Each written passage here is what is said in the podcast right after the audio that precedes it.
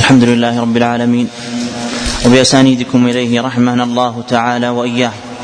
باب صلاة النهار. حدثنا عمرو بن مرزوق قال أخبرنا شعبة عن على بن عطاء عن علي بن عبد الله البارقي عن ابن عمر عن النبي صلى الله عليه وسلم قال صلاة الليل والنهار مثنى مثنى. حدثنا ابن المثنى قال حدثنا معاذ بن معاذ قال حدثنا شعبة قال حدثني عبد ربه بن سعيد عن أنس بن أبي أنس عن عبد الله بن نافع عن عبد الله بن الحارث عن المطلب عن النبي صلى الله عليه وسلم قال الصلاة مثنى مثنى. أن تشهد أن أن تشهد في كل ركعتين وأن تباءس وتمسكن وتقنع تقنع بيديك وتقول اللهم اللهم فمن لم يفعل ذلك فهي خداج.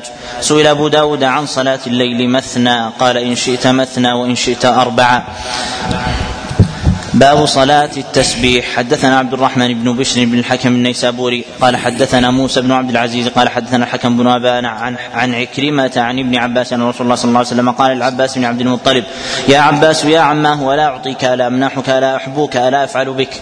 عشر خصال إذا أنت فعلت ذلك غفر الله لك ذنبك أوله وآخره قديمه وحديثه خطأه وعمده صغيره وكبيره سره وعلانيته عشر خصال.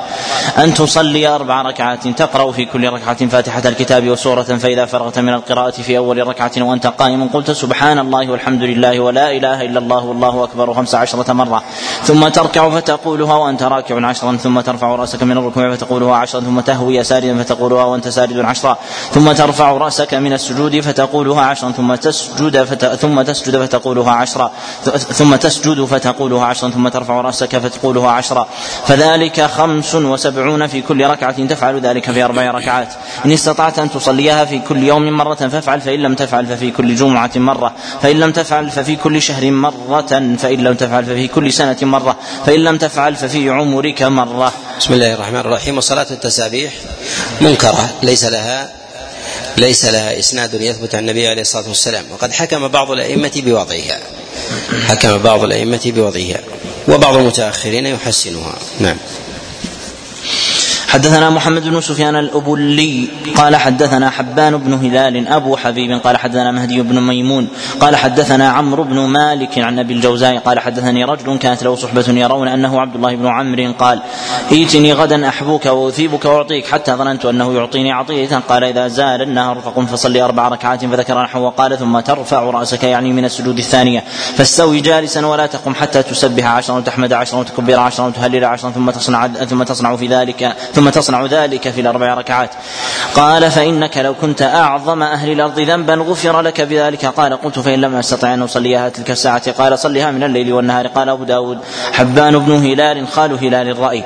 قال أبو داود رواه المستمر بن الريان عن أبي الجوزاء عن عبد الله بن عمرو موقوفا ورواه روح بن المسيب وجعفر بن سليمان عن عمرو بن مالك النكري عن أبي الجوزاء عن ابن عباس قوله وقال في حديث روح فقال حديث النبي صلى الله عليه وسلم حدثنا أبو توبة الربيع بن نافع قال حدثنا محمد بن مهاجر عن عروة بن رويم قال حدثني الأنصاري وأن رسول الله صلى الله عليه وسلم قال جعفر لجعفر بهذا الحديث فذكر نحوهم قال في السجدة الثانية من الركعة الأولى كما قال في حديث مهدي, مهدي بن ميمون. باب ركعتي المغرب أين تصليان؟ حدثنا أبو بكر بن ابن ابن أبي الأسود قال حدثني أبو مطرف محمد بن بن أبي الوزير قال حدثنا محمد بن موسى الفطري عن سعد بن إسحاق بن كعب بن عجرة عن أبيه عن جده أن النبي صلى الله عليه وسلم أتى مسجد بني عبد الأشهر وصلى فيه المغرب فلما قضوا صلاة فلما قضوا صلاتهم رآهم يسبحون بعدها فقال هذه صلاة البيوت. حدثنا حسين بن عبد الرحمن الرجراء الجرجائي قال حدثنا طلق بن غنم قال حدثنا يعقوب بن عبد الله عن جعفر هذا لا يصح عن النبي عليه الصلاة والسلام في قوله هذه صلاة البيوت يعني إنه صلى في البيوت لا يثبت هذا عن النبي عليه الصلاة والسلام وثابت خلافه وثابت خلافه أنه أقره الصحابة كما جاء في مسلم من حديث أبي موسى الأشعري عليه رضوان الله. نعم. حدثنا حسين بن عبد الرحمن الجرجرائي قال حدثنا طلق بن غنام قال حدثنا يعقوب بن عبد الله عن جعفر بن أبي المغيرة عن سعيد بن جبير عن ابن عباس قال كان رسول الله صلى الله عليه وسلم يطيل القراءة في الركعتين بعد المغرب حتى يتفرق أهل المسجد. قال أبو داود رواه نصر المجدر عن يعقوب القمي وأسنده وأسنده مثله. قال أبو داود حدثنا محمد بن عيسى بن الطباع قال حدثنا نصر نصر المجدر عن يعقوب مثله. حدثنا أحمد بن يونس وسليمان بن داود العتكي قال حدثنا يعقوب عن جعفر عن سعيد عن سعيد بن جبير عن النبي صلى الله عليه وسلم بمعناه مرسل. قال أبو داود سمعت محمد بن حميد يقول سمعت يعقوب يقول كل شيء حدث حدثتكم عن جعفر بن أبي المغيرة عن سعيد بن جبير عن النبي صلى الله عليه وسلم فهو مسند عن ابن عباس عن النبي صلى الله عليه وسلم.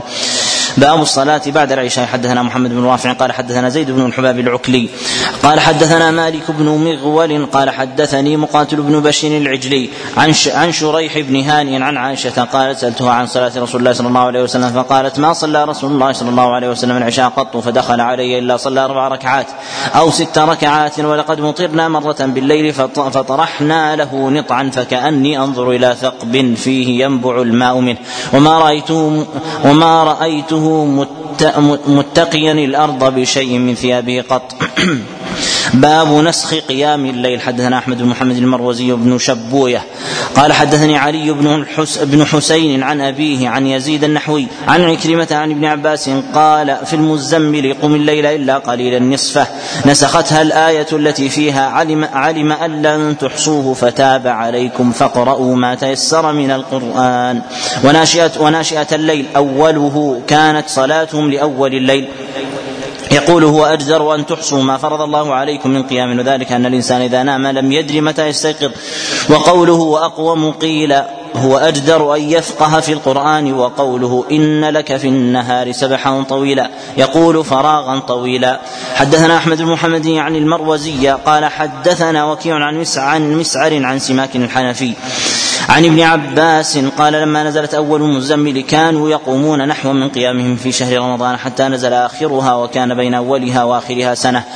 باب قيام الليل. حدثنا عبد الله بن مسلمة عن مالك عن أبي الزناد عن الأعرج عن أبي هريرة أن رسول الله صلى الله عليه وسلم قال يقعد يعقد الشيطان على قافية رأس أحدكم إذا هو نام ثلاث عقد. يضرب مكان كل عقدة عليك ليل طويل فارقد فإن استيقظ فذكر الله انحلت عقدة.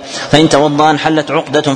فإن صلى انحلت عقد عقده. فأصبح نشيطا طيب النفس وإلا أصبح خبيث النفس كسلان.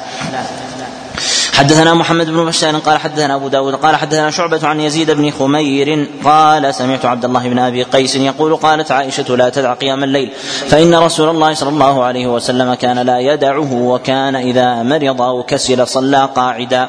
حدثنا ابن بشار قال حدثنا يحيى قال حدثنا ابن عجلان عن عن القعقاع عن أبي صالح عن أبي هريرة قال قال رسول الله صلى الله عليه وسلم رحم الله امرأ قام من الليل فصلى وأيقظ امرأته فانبت نضح في نضح في وجهها الماء. رحم الله قامت من الليل فصلت وأيقظت زوجها فانما نضحت في وجهه الماء. حدثنا ابن كثير قال أخبرنا سفيان عن علي بن الأقمر وحدثنا محمد بن حاتم بن بن بزيع قال حدثنا عبيد الله بن موسى عن شيبان عن الأعمش عن علي بن الأقمر المعنى عن الأغر عن أبي سعيد وابي هريرة قال قال رسول الله صلى الله عليه وسلم إذا أنقذ الرجل أهله من الليل فصليا أو صلى ركعتين جميعا. كتب في الذاكرين والذاكرات ولم يرفعه ابن كثير ولا ذكر أبا هريرة جعله كلام أبي سعيد. قال أبو داود رواه ابن مهدي عن سفيان. قال وأراه ذكر أبا هريرة. قال أبو داود وحديث سفيان موقوف. باب النعاس في الصلاة. حدثنا قعنبي عن مالك عن هشام بن عروة عن أبي عن عائشة زوج النبي صلى الله عليه وسلم. أن النبي صلى الله عليه وسلم قال إذا نعس أحدكم في الصلاة فليرقد حتى يذهب عنه النوم. فإن أحدكم إذا صلى وهو ناعس لعله يذهب ويستغفر فيسب نفسه. حدثنا وليس المراد من ذلك أن الله عز وجل يستجيب دعاءه إذا كان على نفسه. ولكن المراد بذلك أنه لا يليق أن يستقبل ربه بكلام غير مفهوم. وكلام ليس له له معنى. نعم. حدثنا أحمد بن حنبل قال حدثنا عبد الرزاق قال أخبرنا معمر عن همام بن منبه عن أبي هريرة قال قال رسول الله صلى الله عليه وسلم إذا قام أحدكم من الليل فاستعجم القرآن على لسانه فلم يدري ما يقول فليضطجع فليضطجع. حدثنا زياد بن أيوب وهارون بن عباد الأزدي أن إسماعيل بن إبراهيم حدثهم قال حدثنا عبد العزيز عن أنس قال دخل رسول الله صلى الله عليه وسلم المسجد وحبل ممدود بين ساريتين فقال ما هذا الحبل؟ فقيل يا رسول الله هذه حمنة ابنة جحش تصلي فإذا أعيت فإذا أعيت تعلقت به. فقال رسول الله صلى الله عليه وسلم لتصلي ما أطاقت فإذا أعيت فلتجلس. قال زياد قال ما هذا؟ قالوا لزينب تصلي. فإذا فإذا كسلت أو فترت أمسكت به فقال حلوة.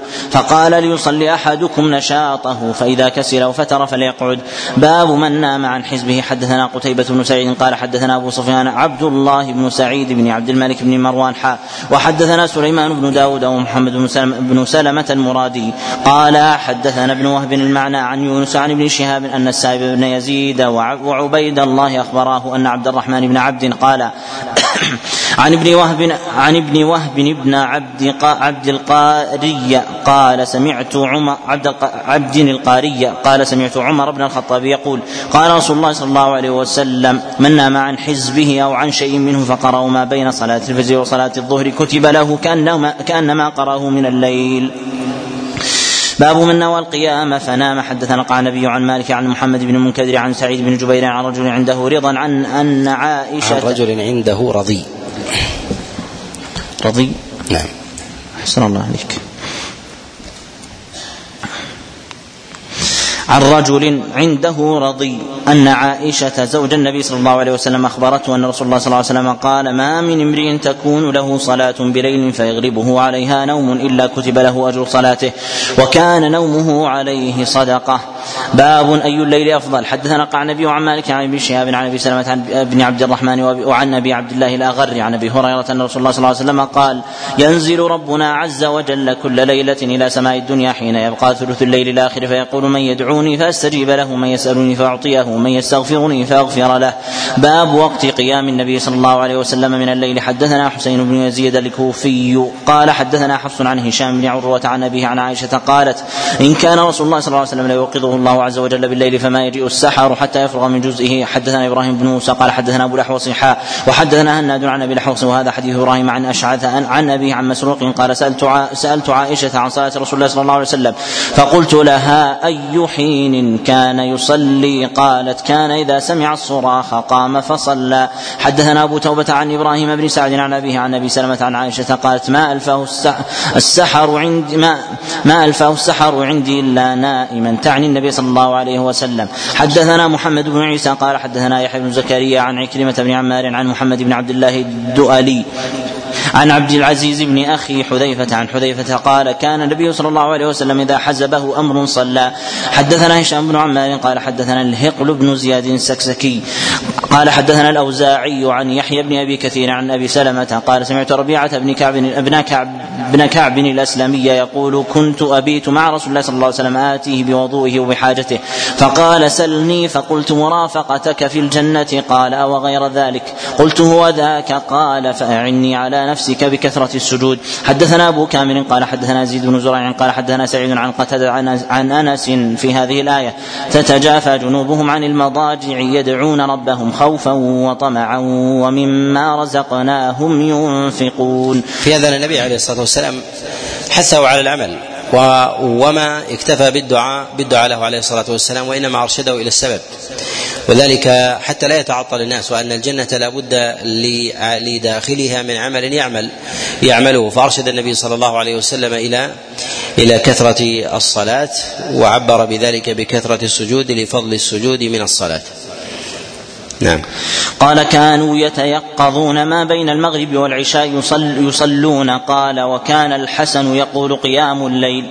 حدثنا محمد بن المثنى قال حدثنا يحيى بن سعيد وابن أبي عدي عن سعيد عن قتادة عن أنس في قوله كانوا قليلا من الليل ما يهجعون. قال كانوا يصلون فيما بين المغرب والعشاء. زاد في حديث يحيى وكذلك تتجافى جنوبهم. باب افتتاح صلاة الليل بركعتين. حدثنا الربيع بن نافع أبو توبة قال حدثنا سليمان بن حيان عن هشام بن حسان عن عن ابن سيرين عن أبي هريرة قال قال رسول الله صلى الله عليه وسلم إذا قام أحدكم من الليل فليصلي ركعتين خفيفتين. حدثنا مخرج بن خالد قال حدثنا إبراهيم بن يعني يعني ابن خالد عن عن رباح عن معمر عن أيوب عن ابن سيرين عن أبي هريرة رضي الله عنه قال إذا إذا بمعناه زاد ثم ليطول بعد ما شاء. قال أبو داود روى هذا الحديث حماد بن سلمة وزهير بن معاوية وجماعة عن هشام أوقفوا على أبي هريرة. وكذلك رواه أيوب وابن عون أوقفوه على أبي هريرة ورواه ابن عون عن محمد قال فيهما تجوز. حدثنا ابن حنبل يعني أحمد حدث قال حدثنا حجاج قال قال ابن جريج أخبرني عثمان بن أبي سليمان عن علي الأزدي عن عبيد بن عمير عن عبد الله بن حبشي الخثعمي أن النبي صلى الله عليه وسلم سئل أي الأعمال أفضل؟ قال طول القيام. باب صلاة الليل مثنى مثنى. حدثنا قال النبي عن مالك عن نافع عن عبد الله بن دينار عن عبد الله بن عمر أن رجلا سأل رسول الله صلى الله عليه وسلم عن صلاة الليل. قد اختلف العلماء أي الصلاة أفضل التي فيها طول قيام أم فيها طول أم فيها كثرة السجود أم فيها طول قيام مع مع كثرة السجود من جهة الاعتدال. والصواب في ذلك هو أن يكون في الصلاة التوسط أن يكون في الصلاة التوسط. وفرة سجود مع طول مع طول قيام. ولهذا نقول إن الإنسان إذا أراد أن يصلي مثلا في زمن واحد متقارب ركعتين من جهة الطول طويلة ولكن إذا أراد أن يصلي في هذا الزمن بنفسه أربع ركعات بطول مع سجود يطيل فيه ولا ولا يخل. نقول أن الثانية أفضل أن الثانية أفضل من الأولى. وأما إذا كان في ذلك شيء من العجلة ونحو ذلك فيقال إن الطول ولو كان ولو كان في ركعتين أفضل من أربع وأفضل من ست. شريطة أن يكون في ذلك شيء من من الخشوع والسكينة والطمأنينة. نعم. حدثنا القعنبي عن مالك عن نافع عن عبد الله بن دينار عن عبد الله بن عمر أن رجلا سأل رسول الله صلى الله عليه وسلم عن صلاة الليل فقال رسول الله صلى الله عليه وسلم صلاة الليل مثنى مثنى فإذا خشي أحدكم الصبح صلى ركعة واحدة توتر له ما قد صلى. باب رفع الصوت بالقراءة في صلاة الليل. حدثنا محمد بن جعفر الورك الوركاني. قال حدثنا ابن أبي الزناد عن عمرو بن أبي عمرو مولى المطلب عن عكرمة عن ابن عباس قال كانت قراءة النبي صلى الله عليه وسلم على قدر ما يسمعه من في الحجرة وهو في البيت حدثنا محمد بن بكار بن الريان قال حدثنا عبد الله بن المبارك عن عمران بن زائدة عن أبيه عن أبي خالد الوالبي عن أبي هريرة أنه قال كانت قراءة النبي صلى الله عليه وسلم بالليل يرفع طورا ويخفض طورا. قال أبو داود أبو خالد الوالبي الوالبي اسمه هرمز. حدثنا موسى بن إسماعيل قال حدثنا حماد عن ثابت عن ثابت البناني عن النبي صلى الله عليه وسلم وحدثنا حسن بن الصباح قال حدثنا يحيى يحيى بن إسحاق. أخبرنا قال أخبرنا حماد بن سلمة عن ثابت البناني عن عبد الله بن رباح عن ابي قتاده أن النبي صلى الله عليه وسلم خرج ليلة فإذا هو بأبي بكر يصلي يخفض من صوته. قال ومر بعمر بن الخطاب وهو يصلي رافعا صوته. قال فلما اجتمعا عند النبي صلى الله عليه وسلم قال النبي صلى الله عليه وسلم يا أبا بكر مررت بك وأنت تصلي تخفض صوتك. قال قد أسمعت من ناجيت يا رسول الله. قال وقال لعمر مررت بك وانت تصلي رافعا صوتك. قال فقال يا رسول الله أوقظ الوسنان واطرد الشيطان. زاد الحسن في حديث فقال النبي صلى الله عليه وسلم يا أبا بكر ارفع من صوتك شيئا. وقال لعمر اخفض من صوتك شيئا. حدثنا أبو حصين أبو حصين أبو حصين بن, بن يحيى الرازي. قال حدثنا أسباط بن محمد عن محمد بن عمرو عن أبي سلمة عن أبي هريرة عن النبي صلى الله عليه وسلم بهذه القصة لم يذكر فقال لابي بكر ارفع شيئا. ولا لعمر اخفض شيئا. زاد وقد سمعتك يا بلال وأنت تقرأ من هذه السوره ومن هذه السورة. قال كلام طيب يجمعه الله يجمعه الله بعضه إلى بعض. فقال النبي صلى الله عليه وسلم كلكم قد أصاب. حدثنا موسى بن إسماعيل قال حدثنا حماد عن هشام بن عروة عن عروة عن عائشة أن رجلا قام من الليل فقرأ فرفع صوته بالقرآن فلما أصبح قال رسول الله صلى الله عليه وسلم يرحم الله فلانا كاي كاي من آية أذكرنيها الليلة كنت قد أسقطتها. حدثنا قال حدثنا الحسن بن علي قال حدثنا عبد الرزاق قال أخبرنا معمر عن إسماعيل بن أمية عن إسماعيل بن أمية عن أبي سلمة عن أبي سعيد قال اعتكف رسول الله صلى الله عليه وسلم في المسجد فسمعهم يجهرون بالقراءة فكشف الستر فقال ألا إن كلكم مناج ربه فلا يؤذين بعضكم بعضا ولا يرفع بعضكم على بعض في القراءة أو قال في الصلاة. حدثنا عثمان بن أبي شيبة قال حدثنا إسماعيل بن عياش عن بحير بن سعد عن خالد بن معدان عن كثير بن مرة الحضرمي عن عقبة بن عامر الجهني قال قال رسول الله صلى الله عليه وسلم الجاهر بالقرآن كالجاهر بالصدقة والمسر بالقرآن كالمسر بالصدقة. وفي قراءة النبي عليه الصلاة والسلام وهو في البيت ويسمعه من في الحجرة. وذلك في حجرات أمهات المؤمنين. النبي عليه الصلاة والسلام يقرأ في بيت عائشة ويسمعها ويسمع النبي عليه الصلاة والسلام من في الحجرة. وذلك أن بيوت أمهات المؤمنين كانت على قسمين قسم مسقوف وهو الذي يكون فيه المنام وقسم غير مسقوف وهو الذي يكون بابه على الخارج بحيث يجلس النبي عليه الصلاة والسلام مع ضيافه. فإذا قرأ النبي عليه الصلاة والسلام في حجرته المسقوفة التي فيها فيها زوجه يسمعه من كان من كان في تلك في تلك الحجرة التي يجلس فيها يجلس فيها الناس. وهذا بالنسبة لانفراد الإنسان وصلاته منفردا فإنه يقرأ بما هو أخشع له. إذا كان يخشى برفع الصوت يرفع صوته. بشريطة لا يكون ذلك فاحشا. وإذا كان الأخشى له أن يسر فيقرأ بالسر ما لم يؤذي أحدا بجهره إذا قرأ إذا قرأ جهرا. نعم. أحسن الله إليكم. باب باب في صلاة الليل. حدثنا ابن المثنى قال حدثنا ابن أبي عدي عن حنظلة عن القاسم بن محمد عن عائشة قالت كان رسول الله صلى الله عليه وسلم يصلي من الليل عشر ركعات ويوتر بسجدة ويسجد سجدتي الفجر فذلك ثلاث عشرة ركعة. حدثنا القعنبي عن مالك عن ابن شهاب عن عروة بن الزبير عن عائشة زوج النبي صلى الله عليه وسلم أن رسول الله صلى الله عليه وسلم كان يصلي من الليل إحدى عشرة ركعة يوتر منها بواحدة. فإذا فرغ منها اضطجع على شقه الأيمن. حدثنا عبد الرحمن بن إبراهيم ونصر بن عاصم وهذا لفظه. قال حدثنا الوليد قال حدثنا الأوزاعي.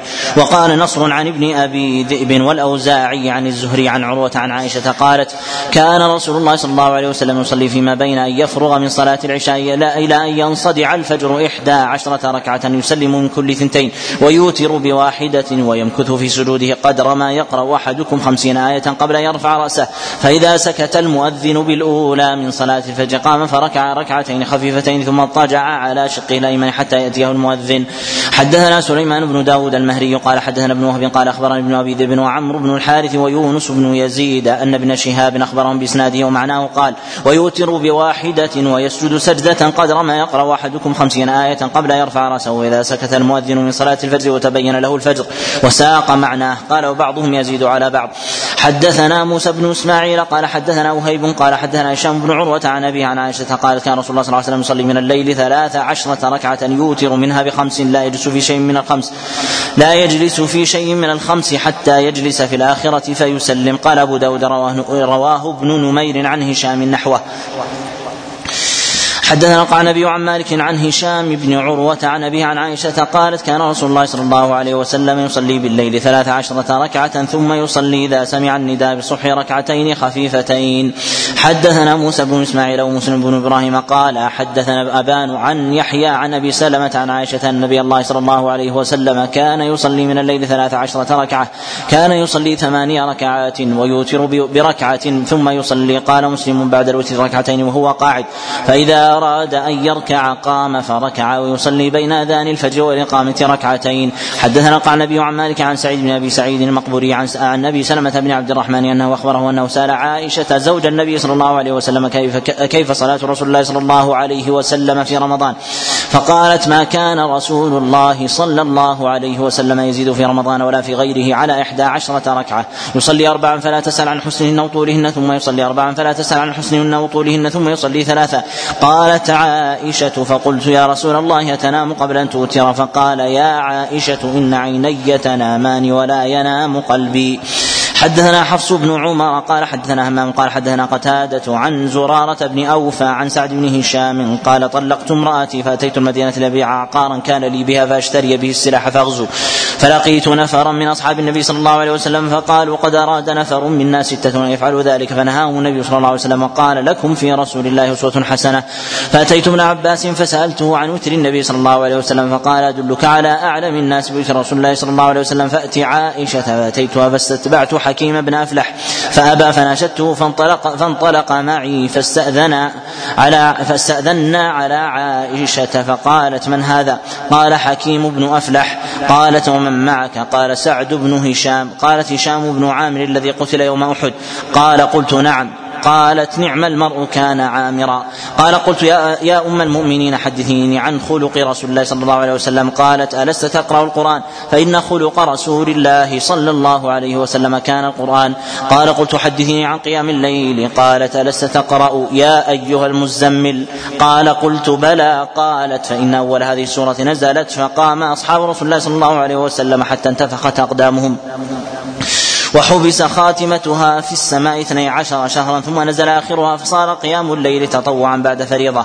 قال قلت حدثيني عن وتر النبي صلى الله عليه وسلم قالت كان يوتر بثمان ركعات لا يجلس إلا في الثامنة ثم يقوم يصلي ركعة أخرى. لا يجلس إلا في الثامنة إلا في الثامنة والتاسعة ولا يسلم إلا في التاسعة ثم يصلي ركعتين وهو جالس فتلك إحدى عشرة ركعة يا بني. فلما أسن وأخذ اللحم أوتر بسبع ثم فلما أسن وأخذ اللحم أوتر أوتر بسبع ركعات لم يجلس إلا في السادسة والسابعة ولم يسلم إلا في السابعة ثم يصلي ركعتين وهو جالس فتلك تسع ركعات يا بني. ولم يقم رسول الله صلى الله عليه وسلم ليلة يتمها إلى الصباح ولم يقرأ القرآن في ليلة قط ولم يصم شهرا يتمه غير رمضان. وكان إذا صلى صلاة داوم عليها وكان إذا غلبته عيناه من الليل بنوم صلى من النهار ثنتي عشرة ركعة. قال فأتيت ابن عباس فحدثته فقال هذا والله هو الحديث ولو كنت أكلمها لأتيتها حتى أشافهها به مشافهة. قال قلت لو علمت أنك لا تكلمها ما حدثتك؟ حدثنا محمد وليس من السنة أن يحيي الليل كله يعني من صلاة العشاء إلى الفجر. إلا ما جاء في رمضان فإنه لا حرج في ذلك باعتبار فضله.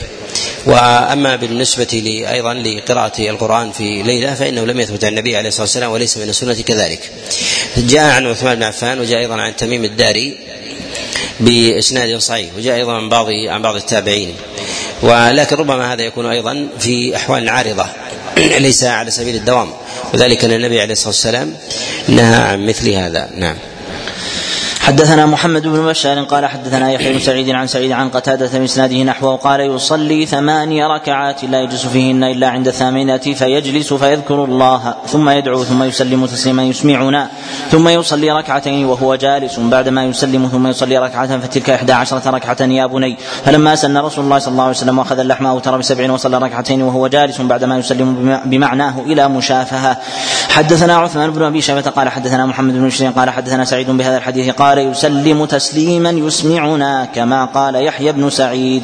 حدثنا محمد بن بشار قال حدثنا ابن أبي عدي عن سعيد بهذا الحديث. قال ابن بشار بنحو حديث يحيى بن سعيد إلا أنه قال يسلم تسليمة يسمعنا حدثنا علي بن حسين الدرهمي قال حدثنا ابن أبي عدي عن بهز بن حكيم قال حدثنا زرارة نوفى أن عائشة سئلت عن صلاة رسول الله صلى الله عليه وسلم في جوف الليل فقالت كان يصلي صلاة العشاء في جماعة ثم يرجع إلى أهله فيركع أربع ركعات ثم يأوي إلى فراشه وينام وطهوره مغطى عند رأسه. رأسه وسواكه موضوع حتى يبعثه الله ساعته التي يبعثه من الليل فيتسوك ويسبغ الوضوء. ثم يقوم إلى مصلاه فيصلي ثمانية ركعات يقرأ فيهن بأم الكتاب وسورة من القرآن وما شاء الله ولا يقعد في شيء منها حتى يقعد في الثامنة ولا يسلم ويقرأ في التاسعة ثم يقعد فيدعو بما شاء الله أن يدعو ويسأله ويرغب إليه ويسلم تسليمة واحدة شديدة يكاد يوقظ أهل البيت من شدة تسليمه ثم يقرأ وهو قاعد بأم الكتاب ويركع وهو قاعد ثم يقرأ الثانية فيركع ويسجد وهو قاعد. ثم يدعو ما شاء الله أن يدعو ثم يسلم وينصرف. فلم تزل تلك صلاة رسول الله صلى الله عليه وسلم حتى بدن فنقص من التسع ثنتين. فجعلها إلى الست والسبع وركعتين وهو قاعد حتى قبض على ذلك. حدثنا هارون بن عبد الله قال حدثنا يزيد بن هارون قال أخبرنا باز بن حكيم فذكر هذا الإسناد باسناده فذكر هذا الحديث بإسناده قال يصلي العشاء ثم يأوي إلى فراشه لم يذكر الأربع ركعات وساق الحديث وقال فيه فيصلي ثمانية ركعات يسوي بينهن في القراءة والركوع والسجود ولا يجلس في شيء منهن إلا في الثامنة فإنه كان يجلس ثم يقوم ولا يسلم فيصلي ركعة يوتر بها ثم يسلم تسليمة يرفع بها صوته حتى يوقظنا ثم ساق معناه حدثنا عمرو بن عثمان قال حدثنا مروان يعني ابن معاوية عن بهز حد قال حدثنا زرارة بن أوفاء عن عائشة أم المؤمنين أنها سئلت عن صلاة رسول الله صلى الله عليه وسلم فقالت كان يصلي بالناس العشاء ثم يرجع إلى أهله فيصلي أربعة ثم يأوي إلى فراشه ثم ساق الحديث بطوله. لم يذكر سوى بينهن في القراءة والركوع والسجود ولم يذكر في التسليم حتى يوقظنا. حدثنا موسى بن إسماعيل قال حدثنا حماد يعني ابن سلمة عن بهز بن حكيم عن زرارة بن أوفاء عن سعد بن هشام عن عائشة بهذا الحديث وليس في تمام حديثهم. حدثنا موسى يعني ابن إسماعيل قال حدثنا حماد يعني ابن سلمة عن محمد بن عمرو عن أبي سلمة بن عبد الرحمن عن عائشة أن رسول الله صلى الله عليه وسلم كان يصلي من الليل ثلاث عشرة ركعة. يوتر بسبع أو كما قالت ويصلي ركعتين وهو جالس وركعتي الفجر بين الأذان والإقامة. حدثنا موسى بن إسماعيل قال حدثنا حماد عن محمد بن عمرو عن, عن محمد بن, بن إبراهيم عن علقمة بن وقاص عن عائشة أن رسول الله صلى الله عليه وسلم كان يوتر بتسع ركعات ثم أوتر بسبع ركعات وركع ركعتين وهو جالس وهو جالس بعد الوتر يقرأ فيهما فإذا أراد أن يركع قام فركع ثم سجد. قال أبو داود روى الحديثين خالد بن عبد الله الواسطي مثله قال فيه قال علقمة بن وقاص يا أمتاه كيف كان يصلي ركعتين فذكر معناه. حدثنا وهب والسنة في قيام الليل أن يغلب في صلاة المصلي صلاة إحدى عشرة وإن زاد على ذلك فلا حرج عليه. إن زاد على ذلك فلا حرج عليه وذلك لحديث عبد الله بن عمر أن النبي صلى الله عليه وسلم قال صلاة الليل مثنى مثنى فإذا خشي أحدكم الصبح أو ترى أو ترى بواحدة. نعم. حدثناه وهب بن بقية عن خالد حدثنا ابن مثنى قال حدثنا عبد الأعلى قال حدثنا هشام عن عن الحسن عن سعد بن هشام قال قدمت المدينة فدخلت على عائشة فقلت أخبريني عن صلاة رسول الله صلى الله عليه وسلم قالت إن رسول الله صلى الله عليه وسلم كان يصلي صلاة العشاء ثم يأوي إلى فراشه فينام فإذا كان جوف الليل قام إلى حاجته وإلى طهوره فتوضأ ثم دخل المسجد فصلى ثمانية ركعات يخيل إلي أنه يسوي بينهن في القراءة والركوع والسجود ثم يوتر بركعة ثم يصلي ركعتين وهو جالس ثم يضع جنبه فربما جاء بلال فآذنه بالصلاة ثم يغفي وربما شككت أغفى أو لا. حتى يؤذنه بالصلاة فكانت تلك صلاته حتى سن ولحم فذكر فذكرت من لحمه ما شاء الله وساق الحديث. حدثنا محمد بن عيسى قال حدثنا هشيم قال أخبرنا حسين عن عن عن حبيب بن أبي ثابت حاء وحدثنا عثمان بن أبي شيبة قال حدثنا وهذه الأحاديث دليل على أن السنة أن يصلي الإنسان صلاة الليل منفردا وألا يصليه جماعة مع أهله أو أو غيرهم في بيته. ولذلك لم يثبت عن النبي عليه الصلاة والسلام أنه سن ذلك لأزواجه ولأهل بيته. أما على سبيل الاعتراض كحال صلاة عبد الله بن عباس مع النبي عليه الصلاة والسلام لما بات عند خالته ميمونة فهذا اعتراض وربما قصد منه النبي عليه الصلاة والسلام من ذلك تعليم عبد الله بن عباس لأنه كان غلام لا لم يعلم شيئا من تلك الأحكام. ولذلك نقل تلك الأحكام بعد ذلك لأنها جديدة عليه. ولو كانت لديه لديه علم قبل ذلك لنقله ولم يحتج إلى مثل هذه لمثل هذه الحادثة. فعائشة عليه رضوان الله تعالى ظاهر أمرها أنها تحكي فعل النبي عليه الصلاة والسلام منفردا ولم تكن تصلي معه.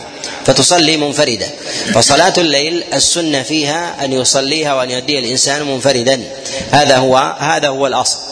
إلا ما جاء في مسألة رمضان في صلاة النبي عليه الصلاة والسلام بالناس ابتداء ثم احتجابه عليه الصلاة والسلام خشية أن تفرض عليهم ثم فعل بعد ذلك الصحابة و وكان أمرهم عليه إلا من ندر كما جاء عن عبد الله بن عمر فإنه كان يفضلها في صلاته منفردا في بيته حتى حتى في رمضان. نعم. أحسن الله إليكم. وحدثنا عثمان بن أبي شبة قال حدثنا محمد بن فضيل عن حسين عن حبيب بن أبي ثابت عن محمد بن علي بن عبد الله بن عباس عن أبيه عن ابن عباس أنه رقد عند النبي صلى الله عليه وسلم فرآه استيقظ فتسوك وتوضأ وهو يقول إن في خلق السماوات والأرض حتى ختم السورة. ثم قام فصلى ركعتين يطال فيهما القيام والركوع والسجود ثم صرف فنام حتى نفخ ثم فعل ذلك ثلاث مرات ست ركعات كل ذلك يستاك ثم يتوضأ ويقرأ هؤلاء الآيات ثم أوتر. قال عثمان بثلاث ركعات فأتاه المؤذن فخرج إلى الصلاة. وقال ابن عيسى ثم أوتر فأتاه بلال فآذنه بالصلاة حين طلع الفجر فصلى ركعتي الفجر ثم خرج إلى الصلاة. ثم اتفقا وهو يقول اللهم اجعل في قلبي نورا واجعل في لساني نورا واجعل في سمعي نورا واجعل في بصري نورا, واجعل خلفي نورا وأمامي نورا واجعل من فوقي نورا ومن تحتي نورا. اللهم وأعظم لي نورا. حدثنا وهب بن بقية عن خالد عن حسين نحوه قال وأعظم لي نورا. قال أبو داود وكذلك قال أبو خالد الدالاني عن حبيب في هذا وهذا هو الأرجح أن في الدعاء في قول قول النبي عليه الصلاة والسلام اللهم اجعل في قلبي نورا أنه يكون في قيام الليل لا في أن يكون في قيام الليل لا في خروج الإنسان إلى الصلاة. وجاء في رواية في مسلم أنه كان في خروج في خروج المصلى وهذا جاء من حديث محمد آه، ابن علي بن عبد الله بن عباس عن أبيه عن جدي وتفرد بذلك وخالف الرواة الذين يروون هذا الحديث عن عبد الله بن عباس. وجاء من حديث كريب مولى عبد الله بن عباس عن ابن عباس وجاء أيضا من حديث سعيد بن جبير عن عبد الله بن عباس فجعلوها في الليل وليس في خروج الإنسان إلى إلى المسجد. ولم يثبت عن النبي عليه الصلاة والسلام دعاء معين أو ذكر معين في طريقه إلى طريقه إلى المسجد وإنما ثابت النبي عليه الصلاة والسلام في دخول في دخول المسجد. وفي حديث عبد الله بن عباس أيضا في مبيته عند خالته ميمونة أنه يشرع الصلاة بالصبي للتعليم. اذا كان لدى الإنسان صبي آه، يريد أن يتعلم أن يعلمه عملا بالاقتداء به بالصلاة كما آه، اقتدى عبد الله بن عباس بالنبي عليه الصلاة والسلام فأقره النبي صلى الله عليه وسلم على هذا. نعم.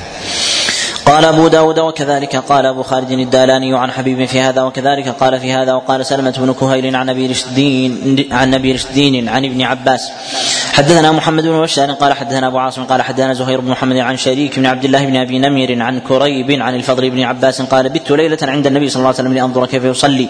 فقام فتوضأ وصلى ركعتين قيامه مثل ركوعه وركوعه مثل سجوده ثم نام ثم استيقظ فتوضأ واستنى ثم قرأ بخمس آيات من آل عمران. إن في خلق السماوات والأرض واختلاف الليل والنهار. فلم يزل يفعل هذا حتى صلى عشر ركعات ثم قام فصلى سجدة واحدة فأوتر بها ونادى المنادي عند ذلك فقام رسول الله صلى الله عليه وسلم بعدما سكت المؤذن. وصلى سجدة ركعتين خفيفتين ثم جلس حتى صلى الصبح. قال أبو داود خفي علي من, من ابن بشار بعضه. حدثنا عثمان بن أبي شيبة قال حدثنا وكيع قال حدثنا محمد بن قيس الأسدي عن حكم بن عتيبة عن سعيد بن جبير عن ابن عباس قال بت عند خالتي ميمونة. فجاء رسول الله صلى الله عليه وسلم بعدما أمسى فقال أصلى الغلام. قالوا نعم فاضطجع حتى إذا مضى من الليل ما شاء الله قام فتوضا ثم صلى سبعا وخمسا اوتر بهن لم يسلم إلا في آخرهن. حدثنا ابن المثنى قال حدثنا ابن أبي عدي عن شعبة عن الحكم عن سعيد بن جبير عن ابن عباس قال بت في بيت خالتي ميمونة بنت الحارث وصلى النبي صلى الله عليه وسلم العشاء ثم جاء وصلى أربعة. ثم نام ثم قام يصلي فقمت عن يساره فأدارني فقامني عن يمينه فصلى خمسا ثم نام حتى سمعت غطيطه أو خطيطه ثم قام فصلى ركعتين ثم خرج فصلى الغداة. حدثنا قتيبة قال حدثنا عبد العزيز بن محمد عن عبد المجيد عن يحيى بن عباد عن سعيد بن جبير عن سعيد بن جبير أن ابن عباس حدثه في هذه القصة. قال قام فصلى ركعتين ركعتين حتى صلى ثمانية ركعات ثم أوتر بخمس لم يجلس بينهن. حدثنا عبد العزيز بن يحيى الحراني قال حدثنا محمد بن سلمة عن عن محمد بن إسحاق عن محمد بن جعفر بن الزبير عن عروة بن الزبير. عن عائشة قالت كان رسول الله صلى الله عليه وسلم يصلي ثلاث عشرة ركعة بركعتين قبل الصبح يصلي ستا مثنى مثنى ويسر بخمس لا يقعد بينهن بينهن إلا في آخرهن. حدثنا قتيبة قال حدثنا الليث عن يزيد بن أبي حبيب عن عراك بن مالك عن عروة عن عائشة أنها أخبرته أن النبي صلى الله عليه وسلم كان يصلي بالليل ثلاث عشرة ركعة بركعتين الفجر. حدثنا نصر بن علي بن وجعفر بن مسافر أن عبد الله بن يزيد المقرئ أخبرهما عن سعيد بن أبي أيوب عن جعفر بن ربيعة عن, عراك بن مالك عن أبي سلمة عن عائشة أن رسول الله صلى الله عليه وسلم صلى العشاء ثم صلى ثماني ركعات قائما وركعتين بين الأذان بين الأذانين ولم يكن يدعهما. قال جعفر بن مسافر في حديثه. وركعتين جالسا بين الأذانين زاد جالسا. حدثنا أحمد بن صالح محمد بن سلمة المرادي. قال حدثنا ابن وهب عن معاوية بن صالح عن عبد الله بن أبي قيس قال قلت لعائشة بكم كان رسول الله صلى الله عليه وسلم يوتر. قالت كان يوتر بأربع وثلاث وست وثلاث وثمان وثلاث وعشر وثلاث ولم يكن ولم يكن يوتر بأنقص من سبع. ولا بأكثر من ثلاث عشرة زاد أحمد ولم يكن ولم يكن يوتر ركعتين قبل الفجر. قلت ما يوتر. قالت لم يكن يدع ذلك ولم يذكر أحمد وست وثلاث. حدثنا مؤمل بن هشام قال حدثنا إسماعيل بن إسماعيل بن إبراهيم عن منصور بن عبد الرحمن عن أبي إسحاق الهمداني عن الأسود بن يزيد أنه دخل على عائشة فسالها عن صلاة رسول الله صلى الله عليه وسلم عن صلاة رسول الله صلى الله عليه وسلم بالليل. فقالت كان يصلي ثلاث عشرة ركعة من الليل ثم إنه صلى إحدى عشرة ركعة وترك ركعتين ثم قبض حين قبض. وهو يصلي من الليل تسع ركعات آخر صلاة من الليل الوتر. حدثنا عبد الملك بن شعيب بن الليث قال حدثني أبي عن جدي عن خالد بن يزيد عن سعيد بن أبي هلال عن مخرمة بن سليمان أن كريبا مولى بن عباس أخبره أنه قال سألت ابن عباس كيف كانت صلاة رسول الله صلى الله عليه وسلم بالليل؟ قال بت عنده ليلة وهو عند ميمونة فنام حتى إذا ذهب ثلث الليل أو نصفه استيقظ. قام إلى شن فيه ماء فتوضأ وتوضأت معه. ثم قام فقمت إلى جنبه على يساره فجعلني على يمينه ثم وضع يديه على رأسي كأنه يمس أذني. كأنه يوقظني فصلى ركعتين خفيفتين. قلت قرأ فيهما بأم القرآن في كل ركعة ثم سلم ثم صلى حتى صلى إحدى عشرة ركعة بالوتر ثم نام فأتاه بلال فقال الصلاة يا رسول الله. فقام فركع ركعتين ثم صلى للناس. حدثنا نوح بن حبيب واحد بن موسى قال حدثنا عبد الرزاق قال أخبرنا معمر عن ابن طاووس عن عكرمة بن خالد عن ابن عباس قال بت عند خالتي ميمونة. فقام النبي صلى الله عليه وسلم يصلي من الليل فصلى ثلاث عشرة ركعة منها ركعتي الفجر. حزرت قيامه في كل ركعة بقدر يا أيها المزمل لم يقل نوح منها ركعة الفجر ركعتي الفجر. حدثنا القعنبي عن مالك عن عبد الله وفي هذا إيقاظ النبي عليه الصلاة إيقاظ الصبي بمسك أذنه. وهذا غاية ما جاء النبي عليه الصلاة والسلام في الإيقاظ وربما أيضا في تنبيه الصبي وتأديبه. وما جاء في حديث عائشة عليه رضي الله تعالى النبي عليه الصلاة والسلام ما ضرب صبيا ولا امرأة ولا خادما قط. هذا ليس بضرب وإنما تنبيه. وإنما تنبيه.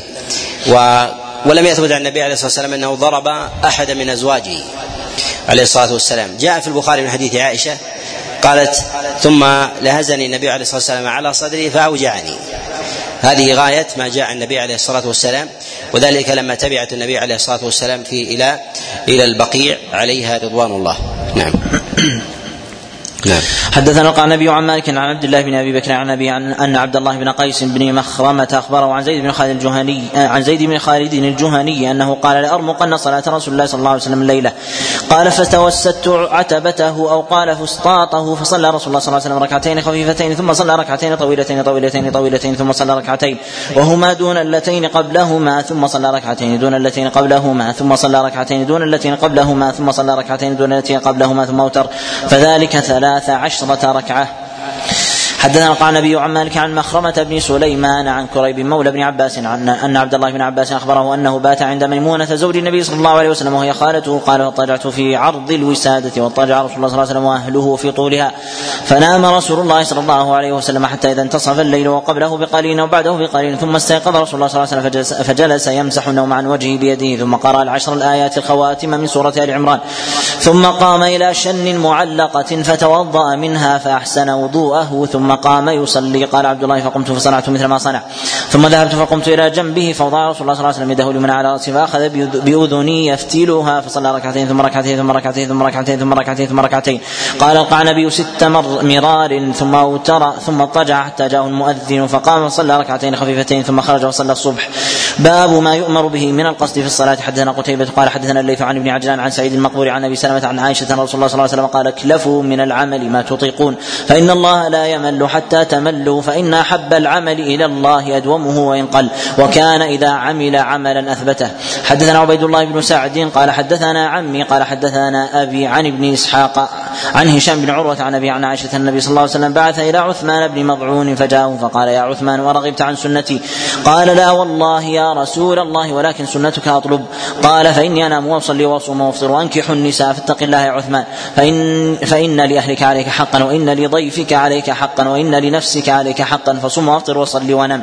حدثنا عثمان بن أبي شيبة قال حدثنا جرير عن منصور عن إبراهيم عن علقمة قال سألت عائشة كيف عمل رسول الله صلى الله عليه وسلم؟ هل كان يخص شيئا من الأيام؟ قالت لا كل عمله ديمه كل عمله ديمة وأيكم يستطيع ما كان رسول الله صلى الله عليه وسلم يستطيع. باب تفريع أبواب شهر رمضان. باب في قيام شهر رمضان. حدثنا حسن بن علي ومحمد بن المتوكل. قال حدثنا عبد الرزاق قال أخبرنا معمر قال الحسن في حديثه ومالك بن أنس عن الزهري عن أبي سلمة عن أبي هريرة قال كان رسول الله صلى الله عليه وسلم يرغب في قيام رمضان من غير أن يأمرهم بعزيمة. ثم يقول من قام رمضان إيمانا واحتسابا غفر له ما تقدم من ذنبه فتوفي رسول الله صلى الله عليه وسلم والأمر على ذلك ثم كان الأمر على ذلك في خلافة أبي بكر رضي الله عنه وصدر من خلافة عمر رضي الله عنه. قال أبو داود كذا رواه عقيل ويونس وأبو اويس من قام رمضان وروى عقيل من صام رمضان وقامه. حدثنا مخرج بن خالد وابن أبي خلف قال حدثنا سفيان عن الزهري عن أبي سلمة عن أبي هريرة يبلغ به النبي صلى الله عليه وسلم من قام من صام رمضان إيمانا واحتسابا غفر له ما تقدم من ذنبه. ومن قام ليلة القدر ولم يثبت عن النبي عليه الصلاة والسلام ذكر مغفرة ما تأخر من الذنوب لأحد من من الناس إلى ما ذكره الله عز وجل لنبيه عليه الصلاة والسلام. ويأتي في بعض الروايات ولكن آه، منكرة وموضوعة. غفر له ما تقدم من ذنبه وما وما تأخر. وما جاء أيضا عن النبي عليه الصلاة والسلام في من شهد بدرا قال افعلوا ما شئتم. فهذا يتضمن يتضمن شيء من هذا المعنى إلا أنه ليس بصريح. نعم. ومن قام ليلة القدر إيمانا واحتسابا غفر له ما تقدم من ذنبه. قال أبو داود كذا رواه يحيى بن أبي كثير عن أبي سلمة ومحمد بن عمرو عن أبي سلمة. حدثنا قال النبي عن مالك عن ابن شهاب عن عروة بن الزبير عن عائشة زوج النبي صلى الله عليه وسلم النبي صلى الله عليه وسلم أن النبي صلى الله عليه وسلم صلى في المسجد فصلى بصلاته ناس. ثم صلى من القابلة فكثر الناس ثم اجتمعوا من الليلة الثالثة فلم يخرج إليهم رسول الله صلى الله عليه وسلم. فلما أصبح قال قد رأيت الذي صنعتم فلم يمنعني من الخروج إليكم. إلا أني خشيت أن تفرض عليكم وذلك في رمضان. حدثنا هناد قال حدثنا عبدة عن محمد بن عمرو عن محمد بن إبراهيم عن أبي سلمة بن عبد الرحمن عن عائشة قالت كان الناس يصلون في المسجد في رمضان اوزاعا فأمرني رسول الله صلى الله عليه وسلم فضربت له حصيرا فصلى عليه. فصلى عليه بهذه القصة قال فيه قال وتعني النبي صلى الله عليه وسلم أيها الناس أما والله ما بت ليلتي هذه بحمد الله غافلا ولا خفي علي مكانكم. حدثنا مسدد قال حدثنا يزيد بن زريع قال حدثنا داود بن أبي هند عن الوليد بن عبد الرحمن عن جبير بن نفيل عن عن أبي ذر قال صمنا مع رسول الله صلى الله عليه وسلم رمضان فلم يقم بنا شيئا من الشهر حتى بقي سبع فقام بنا حتى إذا ذهب ثلث الليل فلما كانت السادسة لم فلما كانت السادسة لم يقم بنا. فلما كانت الخ... فلما كان فلما كانت السادسة لم يقم بنا فلما كانت الخامسة قام بنا حتى ذهب شطر الليل فقلت يا رسول الله لو ن... لو نفلتنا قيام هذه الليلة. قال فقال إن الرجل إذا صلى مع الإمام حتى ينصرف حسب له قيام ليلة. قال فلما كانت الرابعة لم يقم فلما كانت الثالثة جمع أهله ونساءه والناس فقام بنا حتى خشينا أن يفوتنا الفلاح. قال فقال قلت وما الفلاح؟ قال السحور ثم لم يقم بنا بقية الشهر. وفي النبي عليه الصلاة والسلام كان يصلي صلاة القيام في رمضان بأصحابه ولكن كان مقطعا ولم يصلي به النبي عليه الصلاة والسلام بعد ذلك خشية أن تفرض عليه. اذا فأصل مشروعيتها من النبي عليه الصلاة والسلام قولا وعملا. قولا وعملا وأما عدم مداومة النبي عليه الصلاة والسلام خشية الفرض ولما انقطع الوحي أمن هذا الأمر فيبقى تبقى المشروعية. نعم. أحسن الله إليكم. حدثنا نصر بن علي وداود بن أمية أن سفيان أخبرهم عن أبي يعفور وقال داود عن, عن ابن عبيد بن نسطاس عن أبي الضحى عن مسروق عن عائشة أن النبي صلى الله عليه وسلم كان إذا دخل العشر أحيا الليل وشد المئزر ويقظ أهله وقال أبو داود أبو يعفور أبو يعفور اسمه عبد الرحمن بن عبيد بن نسطاس. حدثنا أحمد بن سعيد الهمداني قال حدثنا عبد الله بن وهب قال أخبرني مسلم بن خالد عن العلاء بن عبد الرحمن عن أبي عن أبي هريرة قال خرج رسول الله صلى الله عليه وسلم فإذا أناس في رمضان يصلون في ناحية المسجد فقال ما هؤلاء؟ فقيل هؤلاء ناس ليس معهم قرآن وابي بن كعب يصلي وهم يصلون بصلاة فقال النبي صلى الله عليه وسلم أصابوا ونعم ما صنعوا. قال أبو داود ليس هذا بالحديث ليس هذا الحديث بالقوي. مسلم بن خالد ضعيف. باب في ليلة القدر. حدثنا سليمان بن حرب مسدد المعنى قال حدثنا حماد قال عن عاصم عن زر قال قلت لأبي بن كعب أخبرني عن ليلة القدر يا أبا المنذر فإن صاحبنا سئل عنها فقال من يقم من يقم الحول يصبها فقال رحم الله أبا عبد الرحمن والله لقد علم أنها في رمضان زاد مسدد ولكن كره أن تتكلوا وأحب أن لا تتكلوا ثم اتفقا والله إنها لفي رمضان ليلة سبع وعشرين لا, لا يستثني قلت قلت أبا المنذر أنا علمت ذلك؟ قال بالآية التي أخبرنا رسول الله صلى الله عليه وسلم قلت زر ما الآية. قال تصبح الشمس صبيحة تلك الليلة مثل الطست. ليس لها شعاع حتى ترتفع. حدثنا أحمد بن حفص قال حدثني أبي قال حدثني إبراهيم بن بن طهمان عن عباد بن إسحاق عن محمد بن مسلم الزهري عن ضمرة بن عبد الله بن أنيس عن أبيه قال كنت في مجلس بني سلمة وأنا أصغرهم. فقالوا من يسأل لنا رسول الله صلى الله عليه وسلم عن ليلة القدر وذلك صبيحة 21 من رمضان. فخرجت فوافيت مع رسول الله صلى الله عليه وسلم صلاة المغرب ثم قمت بباب بباب بيته فمر بي فقال ادخل فدخلت. فأتي بعشائه فرأيتني أكف عنه من قلته فلما فرغت قال ناولني نعلي. فقام وقمت معه فقال كأن لك حاجة. قلت أجل أرسلني إليك رهط من بني سلمة من بني سلمة يسألونك عن ليلة القدر؟ فقال كم الليلة؟ فقلت اثنتان وعشرون. قال هي الليلة. ثم رجع فقال أو القابلة يريد ليلة ثلاث وعشرين. حدثنا أحمد بن يونس. قال حدثنا زهير. قال حدثنا محمد بن إسحاق. قال حدثنا محمد بن إبراهيم عن ابن عبد الله بن يونس الجهني. وفي كتمان عبد الله بن مسعود عليه رضوان الله تعالى لمعرفة ليلة القدر أنها في رمضان. وهو يعلم ذلك كما قال ذلك أبي بن كعب عليه رضوان الله. فيه دليل على أنه يجوز للإنسان ان أن يكتم الدليل إذا خشي من سوء استعماله. من سوء استعماله من سوء استعماله ان أن يفعل آه، به على على خلاف على خلاف المراد. فهو خشي أن يتكلوا ويفرطوا في بقية العام فجعلها فيما هو اوسع أوسع من ذلك ومع وجود الدليل عنده. وهذا يرجع إلى اجتهاد إلى اجتهاد الإنسان. فلا يكون بالهوى ولا بكتم الشريعة وتغيير الدين وتبديله وإنما هو لصالح لصالح الناس في دينهم لا لا في دنياهم وأهوائهم. نعم.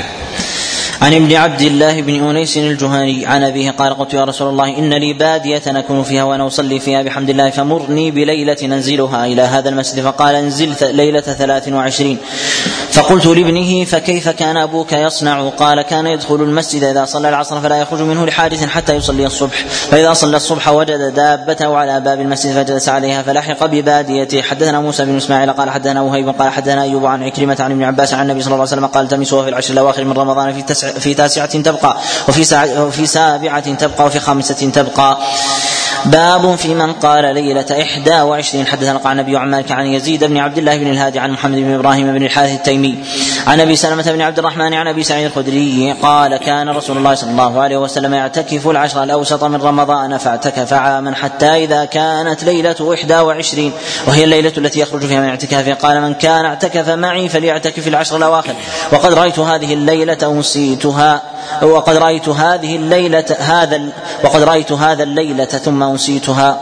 وقد رأيتني أسجد في ماء وطين فالتمسوها في العشر الأواخر والتمسوها في كل وتر.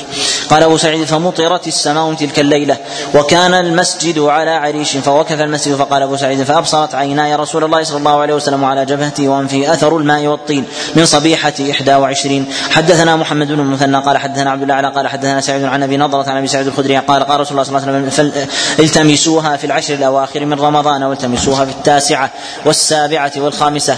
قال قلت يا أبا سعيد إنكم أعلم بالعدد منا قال أجل. قلت ما التاسعة والسابعة؟ والخامسة قال إذا مضت واحدة وعشرون فالتي تليها التاسعة وإذا مضى ثلاث وعشرون فالتي تليها السابعة وإذا مضى خمس وعشرون فالتي تليها الخامسة.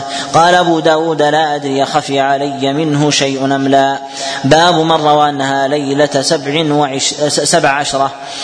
حدثنا حكيم بن سيف الرقي قال حدثنا عبيد الله يعني ابن عمرو عن زيد يعني ابن أبي أنيسة عن أبي إسحاق عن أبي إسحاق عن عبد الرحمن بن الأسود عن ابي عن ابن مسعود قال قال لنا رسول الله صلى الله عليه وسلم اطلبوها ليلة سبع عشرة من رمضان وليلة إحدى وعشرين وليلة ثلاث وعشرين ثم سكت. باب من روى في السبع في قول أبي داود لا أدري أخفي عليه منه شيء أم لا.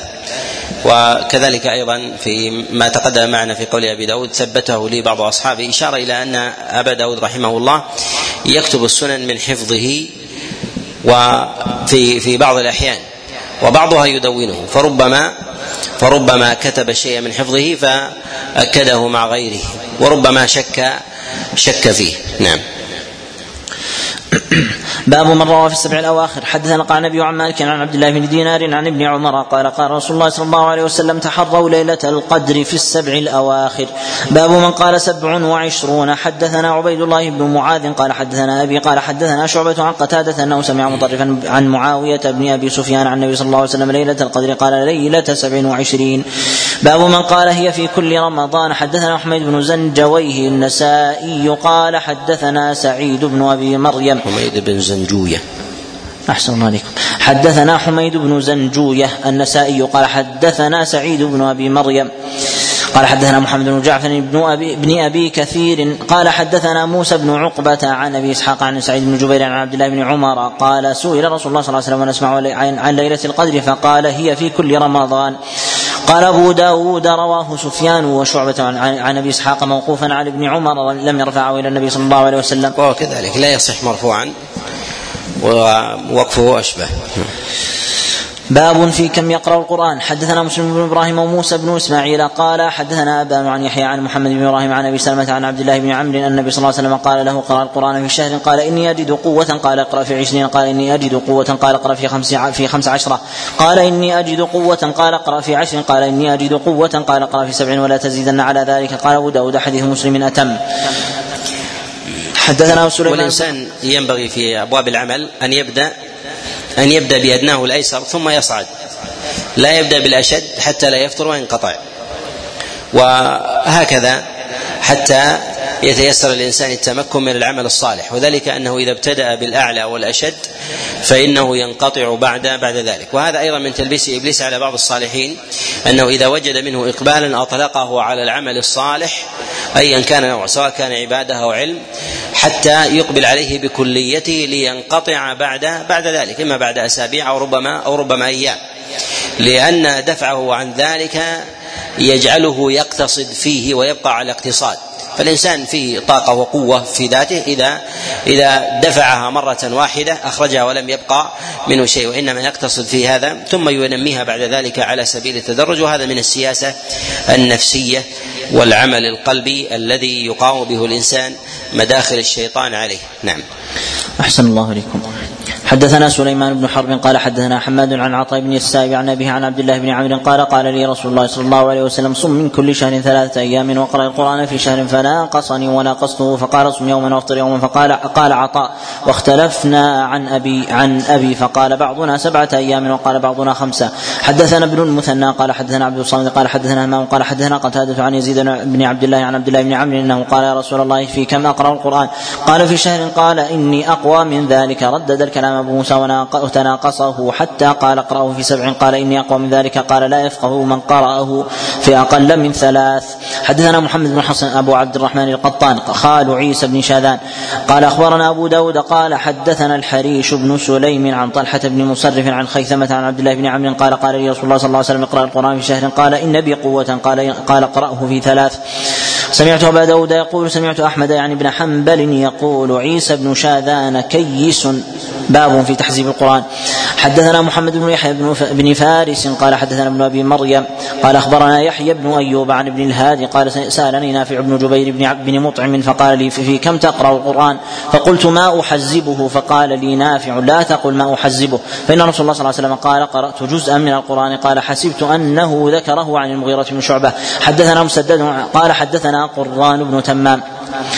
وحد وحدثنا عبد الله بن سعيد قال حدثنا أبو خالد وهذا لفظه عن عبد الله بن عبد الرحمن بن يعلى عن عثمان بن عبد الله بن أوس عن جده قال عبد الله بن سعيد في حديثه أوس بن حذيفة قال قدمنا على رسول الله صلى الله عليه وسلم في وفد ثقيف قال فنزل فنزلت الأحلاف على المغيرة بن شعبة وأنزل رسول الله صلى الله عليه وسلم بني مالك في قبة له. قال مسدد وكان في في الوفد الذين قدموا على رسول الله صلى الله عليه وسلم من ثقيف. قال كان كل ليلة ياتينا بعد العشاء يحدثنا قال أبو سعيد قائما على رجليه حتى يراوح بين رجليه من طول القيام وأكثر ما يحدثنا ما لقي من قومه من قريش. ثم يقول لا سواء كنا مستضعفين مستذلين قال مسدد بمكة. فلما خرجنا إلى المدينة كانت سجال الحرب بيننا وبينهم ندال عليهم ويدالون علينا. قال فلم ويدال ويدالون, ويدالون علينا. فلما كان ليلة أبطأ عند الوقت الذي كان يأتينا فيه. فقلنا لقد أبطأت عند عنا الليلة. قال إنه طرى علي جزئي من القرآن فكرهت أن فكرهت أجيء حتى أتمه. قال أوس سألت أصحاب رسول الله صلى الله عليه وسلم كيف تحزبون القرآن؟ قالوا ثلاث وخمس وسبع وتسع وإحدى عشرة وثلاث عشرة وحزب المفصل وحده. وحديث أبي سعيد أتم. حدثنا محمد بن المنهال قال حدثنا يزيد بن زريع قال حدثنا سعيد عن قتادة عن أبي العلاء يزيد بن عبد الله بن الشخير عن عبد الله يعني بن عمرو قال قال رسول الله صلى الله عليه وسلم لا يفقه من قرأ القرآن في أقل من ثلاث. حدثنا نوح بن حبيب قال حدثنا عبد الرزاق قال أخبرنا معمر عن سماك بن الفضل عن وهب بن منبه عن عبد الله بن عمرو أنه سأل النبي صلى الله عليه وسلم في كم تقرأ القرآن. قال في أربعين يوما ثم قال في شهر ثم قال في عشرين ثم قال في خمس عشرة ثم قال في عشر ثم قال في سبع. لم ينزل من سبع.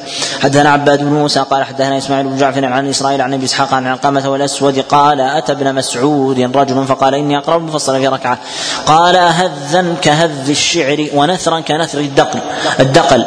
لكن النبي صلى الله عليه وسلم كان يقرأ النظائر السورتين في ركعة الرحمن الرحمن والنجم. في ركعة واقتربت والحاقة في ركعة والطور والذاريات في ركعة وإذا وقعت ونون ونون في ركعة وسأل سائل وسأل سائل والنازعات في ركعة.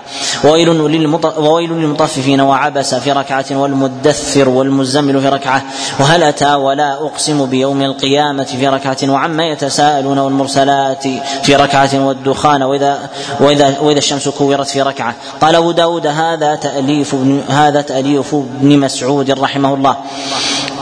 ورضي عنه. حدثنا حفص بن عمر قال حدثنا شعبة عن عن منصور عن إبراهيم عن, عن عبد الرحمن بن يزيد قال سألت أبا مسعود وهو يطوف بالبيت فقال قال رسول الله صلى الله عليه وسلم من قرأ الآيتين في آخر سورة البقرة في ليلة كفتاه.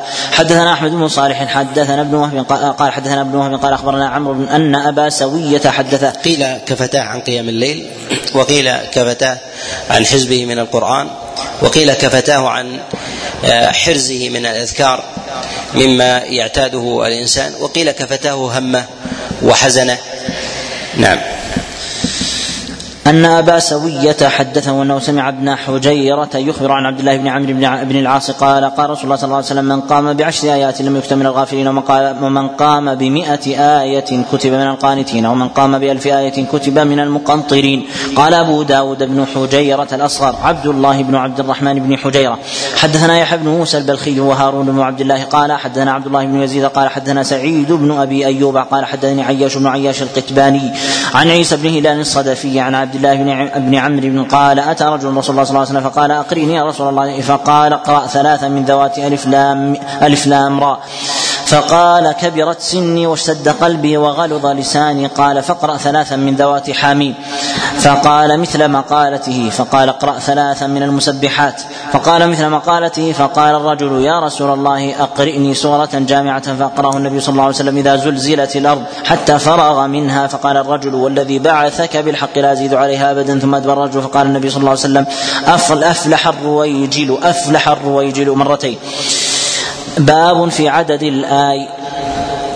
حدثنا عمرو بن مرزوق قال أخبرنا شعبة قال أخبرنا قتادة عن عباس الجشمي عن أبي هريرة عن النبي صلى الله عليه وسلم قال سورة من القرآن ثلاثون آية تشفع لصاحبها حتى غفر له تبارك الذي تبارك الذي بيده الملك. باب تفريع أبواب السجود وكم سجدة في القرآن. حدثنا محمد بن عبد الرحيم بن البرقي قال حدثنا قال حدثنا ابن أبي مريم قال أخبرنا نافع بن يزيد عن عن الحارث بن سعيد العتقي عن عبد الله بن منين عن من بني عبد كلال عن عمرو بن العاص أن النبي صلى الله عليه وسلم قرأه خمس عشرة سجدة في القرآن منها ثلاث في المفصل وفي سورة الحج سجدتان.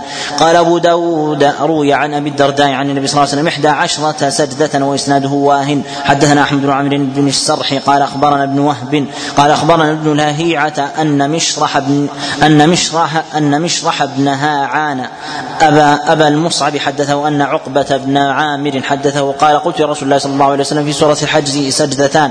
قال نعم ومن لم يسجدهما فلا يقرأهما. باب من لم يرى السجود في المفصل. حدثنا محمد بن رافع قال حدثنا زهر بن القاسم قال محمد ولقيته بمكة حدثنا أبو قدامة عن مطر الوراق عن كلمة عن ابن عباس أن رسول الله صلى الله عليه وسلم لم يسجد في شيء من المفصل منذ تحول إلى المدينة. حدثنا هناد بن السري قال حدثنا وكيع عن ابن أبي ذئب عن يزيد عن يزيد بن عبد الله بن عن عن عطاء بن يسار عن زيد بن ثابت قال قرأت على رسول الله صلى الله عليه وسلم نجمة فلم يسجد فيها. حدثنا ابن السرح قال أخبرنا ابن وهب قال حدثنا أبو صخر عن عن ابن قسيط عن خالدة بن زيد بن ثابت عن النبي عن النبي صلى الله عليه وسلم بمعنى. قال أبو داود كان زيد الإمام فلم يسجد. باب من رأى فيها سجودا. حدثنا حفص بن عمر قال حدثنا شعبة عن أبي إسحاق عن أبي إسحاق عن أبي إسحاق عن الأسود عن عبد الله أن رسول الله صلى الله عليه وسلم قرأ سورة النجم فسجد بها. وما بقي أحد من القوم إلا سجد فأخذ رجل من القوم كفا من حصى أو تراب فرفعه إلى وجهه وقال يكفيني هذا. قال عبد الله فلقد رأيته. بعد ذلك قتل كافرا. الشيخ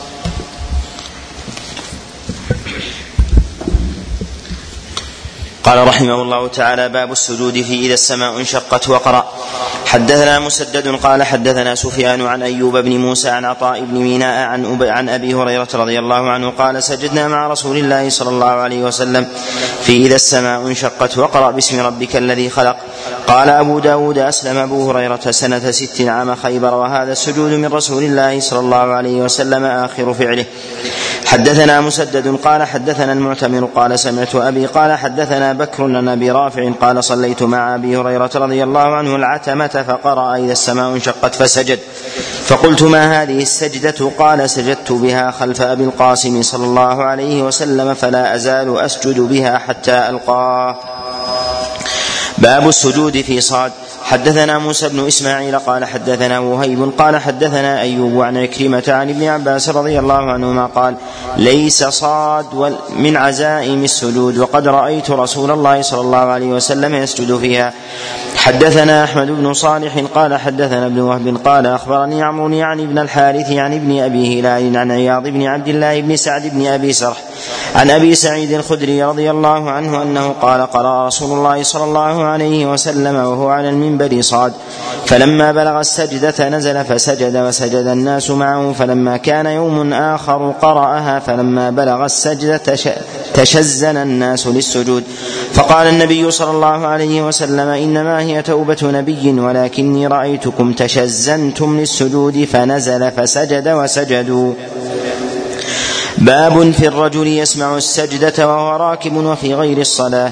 حدثنا محمد بن عثمان الدمشقي أبو الجما أبو الجماهر قال حدثنا عبد العزيز يعني ابن محمد. عن مصعب بن ثابت بن عبد الله بن الزبير عن نافع عن ابن عمر رضي الله عنهما أن رسول الله صلى الله عليه وسلم قرأ عام الفتح سجدة فسجد الناس كلهم منهم الراكب والساجد في الأرض حتى إن الراكب ليسجد على يده. حدثنا أحمد بن حنبل قال حدثنا يحيى بن سعيد حاء وحدثنا أحمد بن أبي شعيب قال حدثنا ابن أمير المعنى. عن عبيد الله عن نافع عن ابن عمر رضي الله عنهما قال كان رسول الله صلى الله عليه وسلم يقرأ علينا السورة قال ابن نمير في غير الصلاة ثم اتفقا. فيسجد ونسجد معه حتى لا يجد أحدنا مكانا لموضع جبهته. حدثنا أحمد بن الفرات أبو مسعود الرازي قال أخبرنا عبد الرزاق قال أخبرنا عبد الله بن عمر عن نافع عن ابن عمر رضي الله عنهما قال كان رسول الله صلى الله عليه وسلم يقرأ علينا القرآن فإذا مر بالسجدة كبر وسجد وسجدنا. قال عبد الرزاق وكان الثوري يعجبه هذا الحديث. قال أبو داود يعجبه لأنه كبر. باب ما يقول إذا سجد. حدثنا مسدد قال حدثنا إسماعيل قال حدثنا خالد الحذاء عن رجل عن أبي العالية عن عائشة رضي الله عنها قالت كان رسول الله صلى الله عليه وسلم يقول في سجود القرآن بالليل يقول في السجدة مرارا سجد وجهي للذي خلقه وشق سمعه وبصره بحوله وقوته. باب في من يقرأ السجدة بعد بالنسبة لي الدعاء وذكر شيء معين في في سجود التلاوة لم يثبت عن النبي عليه الصلاة والسلام في ذلك شيء. وأما هذا الدعاء فالحديث فيه منقطع قد أعله غير واحد من النقاد كدار قطني وغيره. ويسبح ويدعو كسائر كسائر سجوده. وأما بالنسبة للتكبير في سجود التلاوة نقول يكبر إذا كان إماما. إذا كان إماما يكبر. وأما إذا كان الإنسان يقرأ في صلاه في في من غير من غير صلاة فإنه لا يكبر لا في خفضه ولا في رفعه. لا يكبر في خفضه ولا في رفعه لأن التكبير إنما هو لإعلام الانتقال وهو لم ينتقل من شيء. لم ينتقل من شيء إلى إلى شيء وإنما هي سجدة واحدة لا يسبقها شيء ولا يعقبها ولا يعقبها شيء. نعم. أحسن الله إليكم. إذا كان في غير الصلاة وهناك من يستمع قراءته. نعم. يكبر لإشعار الناس وإعلامهم فقط. نعم. قال رحمه الله حدثنا عبد الله بن الصباح العطار قال حدثنا أبو بحر قال حدثنا ثابت بن عمارة قال حدثنا أبو تميمة الهجيمي قال لما بعثنا الركب لقال لما بعثنا الركب قال أبو داود يعني إلى المدينة قال كنت أقص بعد صلاة الصبح فأسجد. فنهاني ابن عمر فنهاني ابن عمر فلم أنتهي ثلاث مرار ثم عاد فقال إني صليت خلف رسول الله صلى الله عليه وسلم ومع أبي بكر وعمر وعثمان رضي الله عنهم فلم يسجدوا حتى تطلع الشمس. باب تفريع أبواب الوتر باب استحباب الوتر. حدثنا إبراهيم بن موسى قال أخبرنا عيسى عن زكريا عن أبي إسحاق عن عاصم عن علي رضي الله عنه قال قال رسول الله صلى الله عليه وسلم يا أهل القرآن أوتروا فإن الله وتر يحب الوتر. حدثنا عثمان بن أبي شيبة قال حدثنا أبو حفص الأبار عن الأعمش عن عمرو بن مرة عن أبي عبيدة عن عبد الله رضي الله عنه عن النبي صلى الله عليه وسلم بمعناه زاد فقال أعرابي ما تقول؟ فقال ليس لك ولا لأصحابك. حدثنا أبو الوليد الطيالسي وقتيبة بن سعيد المعنى قال حدثنا الليث عن يزيد بن أبي حبيب عن عبد الله بن راشد الزوفي. عن عبد الله بن أبي مرة الزوفي عن خارجة بن حذافة قال أبو الوليد العدوي قال خرج علينا رسول الله صلى الله عليه وسلم فقال إن الله تعالى قد أمدكم بصلاة وهي خير لكم من حمر النعم وهي الوتر فجعلها لكم فيما بين العشاء إلى طلوع الفجر. باب في من لم يوتر. حدثنا ابن المثنى قال حدثنا أبو إسحاق الطالقاني قال حدثنا الفضل بن موسى عن عبيد الله بن عبد الله العتكي عن عبد الله بن بريدة عن أبيه رضي الله عنه قال سمعت رسول الله صلى الله عليه وسلم يقول الوتر حق فمن لم يوتر فليس منا الوتر حق فمن لم يوتر فليس منا الوتر حق فمن لم يوتر فليس منا. حدثنا القعنبي عن مالك عن يحيى بن سعيد عن محمد بن يحيى بن حبان عن ابن محيريز أن رجلا من بني كنانة يدعى المخدجي سمع رجلا. يدعى المخدجي سمع رجلا بالشام. يدعى أبا محمد. يدعى المخدجي أن رجلا من بني كنانة يدعى المخدجي أنه سمع رجلا بالشام. يدعى أبا محمد يقول إن الوتر واجب. قال المخدجي فرحت إلى عبادة بن الصامت فأخبرته فقال عبادة كذب أبو محمد. سمعت رسول الله صلى الله عليه وسلم يقول خمس صلوات كتبهن الله على العباد فمن جاء بهن فمن جاء بهن لم يضيع منهن شيئا استخفافا بحقهن كان له عند الله عهد أن يدخله الجنة. ومن لم يأت بهن فليس له عند الله عهد إن شاء عذبه وإن شاء أدخله الجنة. باب كم الوتر. حدثنا محمد بن كثير قال أخبرنا همام عن قتادة عن عبد الله بن شقيق عن ابن عمر أن رجلا من أهل البادية سأل النبي صلى الله عليه وسلم عن صلاة الليل فقال بأصبعيه هكذا مثنى مثنى والوتر ركعة من آخر الليل. حدثنا عبد الرحمن بن مبارك قال حدثني قريش بن حيان العجلي قال حدثنا بكر بن وائل عن الزهري عن عطاء بن يزيد الليثي عن أبي أيوب الأنصاري رضي الله عنه قال قال رسول الله صلى الله عليه وسلم الوتر حق على كل مسلم فمن أحب أن يوتر بخمس فليفعل ومن أحب أن يوتر بثلاث فليفعل ومن أحب أن يوتر بواحدة ومن أحب أن يوتر بواحدة فليفعل. باب ما يقرأ في الوتر. حدثنا عثمان بن أبي شيبة قال حدثنا أبو حفص الأبار حاء وحدثنا إبراهيم بن موسى قال أخبرنا محمد بن أنس وهذا لفظه. عن الأعمش عن طلحة وزبيد عن سعيد بن عبد الرحمن بن أبزة عن أبي عن أبي بن كعب رضي الله عنه قال كان رسول الله صلى الله عليه وسلم يوتر بسبح اسم ربك الأعلى. وقل للذين كفروا والله احد والله الواحد الصمد. حدثنا أحمد بن أبي شعيب قال حدثنا محمد بن سلمة قال حدثنا خصيف عن عبد الله العزيز بن جريج قال سألت عائشة أم المؤمنين رضي الله عنها بأي شيء كان يوتر رسول الله صلى الله عليه وسلم ذكر معناه قال وفي الثالثة بقل هو الله أحد والمعوذتين. باب القنوت في الوتر. حدثنا قتيبة بن سعيد وأحمد بن جواس الحنفي قال حدثنا أبو الأحوص عن أبي إسحاق عن بريد بن أبي مريم عن أبي الحوراء قال قال الحسن بن علي رضي الله عنهما علمني رسول الله صلى الله عليه وسلم كلمات أقولهن في الوتر. قال ابن جواس في قنوت الوتر. اللهم اهدني فيمن هديت وعافني فيمن عافيت وتولني فيمن توليت وبارك لي فيما أعطيت وقني شر ما قضيت إنك تقضي ولا يقضى عليك. وإنه لا يذل من واليت تباركت ربنا وتعاليت. حدثنا عبد الله بن محمد النفيلي قال حدثنا زهير قال حدثنا أبو إسحاق بإسناده ومعناه وقال في آخره قال هذا يقول في الوتر في القنوت. ولم يذكر أقولهن في الوتر قال أبو داود أبو الحوراء ربيعة بن شيبان. وهذا هو الصواب أنها تكون في قنوت الإنسان ولم ولا يثبت أنها في الوتر. ولم يثبت النبي عليه الصلاة والسلام أنه قنت في وتره. ولا علم أحدا أن يقنت في وتره أيضا فضلا عن يثبت النبي عليه الصلاة والسلام لفظ شيء معين في قنوت الوتر. والأولى الا يقنت الإنسان في وتره. الأولى الا يقنت الإنسان في وتره إلا في رمضان وفي النصف الأخير منه كما جاء ذلك عن الصحابة عليهم رضوان الله وذلك في صلاة أبي بن كعب وكذلك عبد الرحمن بن عبد القاري فإنه كان يقنت في النصف الأخير من رمضان. وكذلك جاء أيضا عن عبد الله بن مسعود عليه رضوان الله ولم يكونوا يقنتون قبل قبل ذلك. إذا قنت على سبيل الاعتراض في الأمر اليسير فهذا فهذا مما مما لا بأس به ولا حرج فيه. وأما الدعاء فيدعو الإنسان في سجوده. والدعاء في السجود أعظم وآكد من الدعاء في حال القيام في القنوت. نعم.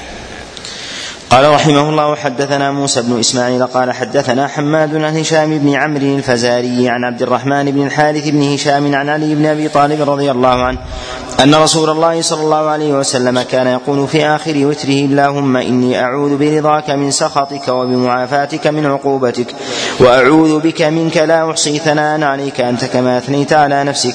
قال أبو داود هشام أقدم شيخ لحماد. وبلغني عن يحيى بن معين أنه قال لم يروي عنه غير حماد بن سلمة. قال أبو داود روى عيسى بن يونس عن سعيد بن أبي عروبة عن قتادة عن سعيد بن عبد الرحمن بن أبزة عن أبي عن أبي بن كعب رضي الله عنه أن رسول الله صلى الله عليه وسلم قالت يعني في الوتر قبل الركوع.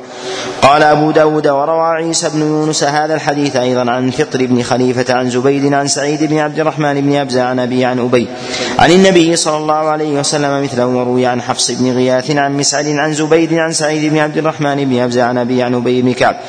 أن رسول الله صلى الله عليه وسلم قنت في الوتر قبل الركوع. قال أبو داود وحديث سعيد عن قتادة رواه يزيد بن سريع عن, عن سعيد عن قتادة عن عزرة عن سعيد بن عبد الرحمن بن أبزة عن أبيه.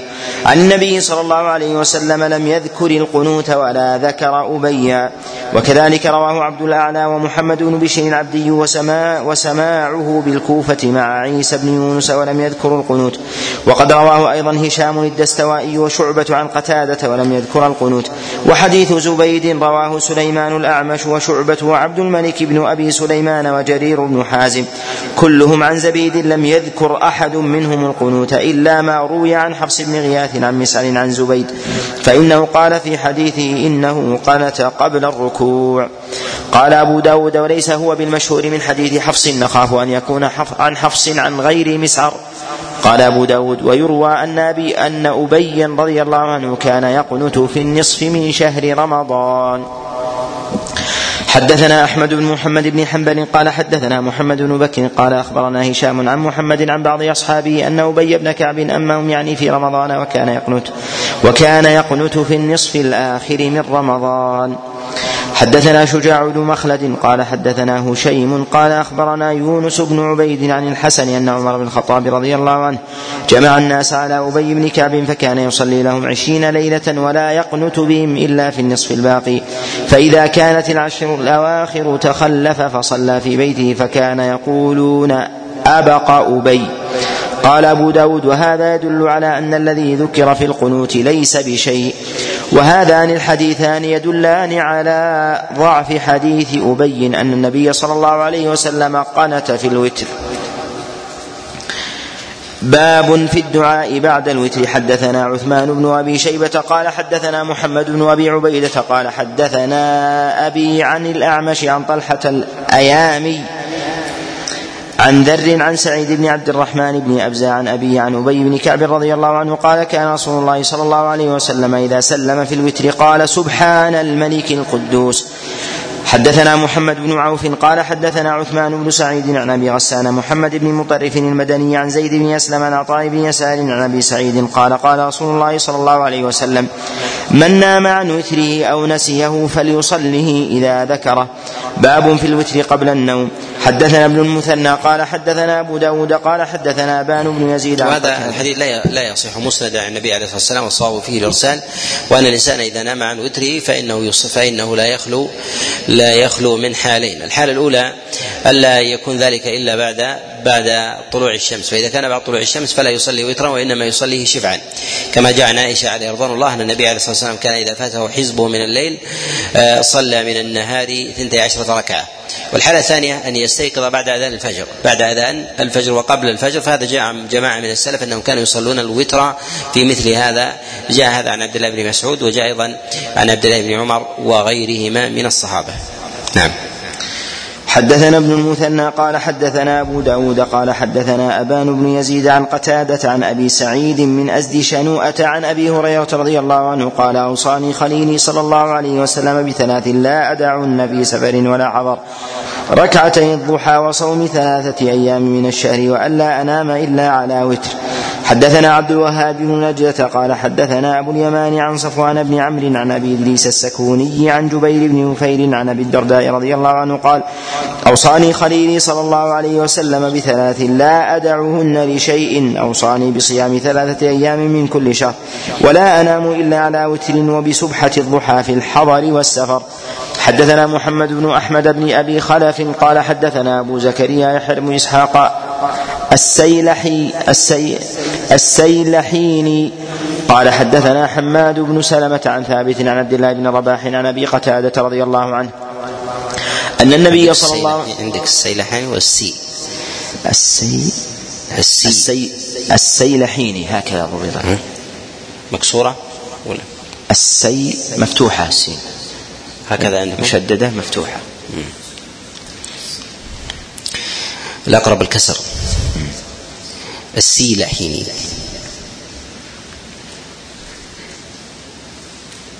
نعم. قال حدثنا أبو زكريا يحلم إسحاق السيلحين السيلحيني قال حدثنا حماد بن سلمة عن ثابت عن عبد الله بن رباح عن أبي قتادة عن النبي صلى الله عليه وسلم قال لأبي بكر متى توتر؟ قال أوتر من أول الليل وقال لعمر متى توتر؟ قال آخر الليل فقال لأبي بكر أخذ هذا بالحذر وقال لعمر أخذ هذا بالقوة. يكفي بس تفضل شاء الله. الحمد لله بأسانيدكم إليه رحمنا الله تعالى وإياه. قال باب وقت الوتر. حدثنا أحمد بن يونس قال حدثنا أبو بكر بن عياش عن الأعمش عن مسلم عن مسروق قال قلت لعائشة متى كان يوتر رسول الله صلى الله عليه وسلم؟ قالت كل ذلك قد فعل. أوتر أول الليل ووسطه وآخره ولكن انتهى وتره حين مات إلى السحر.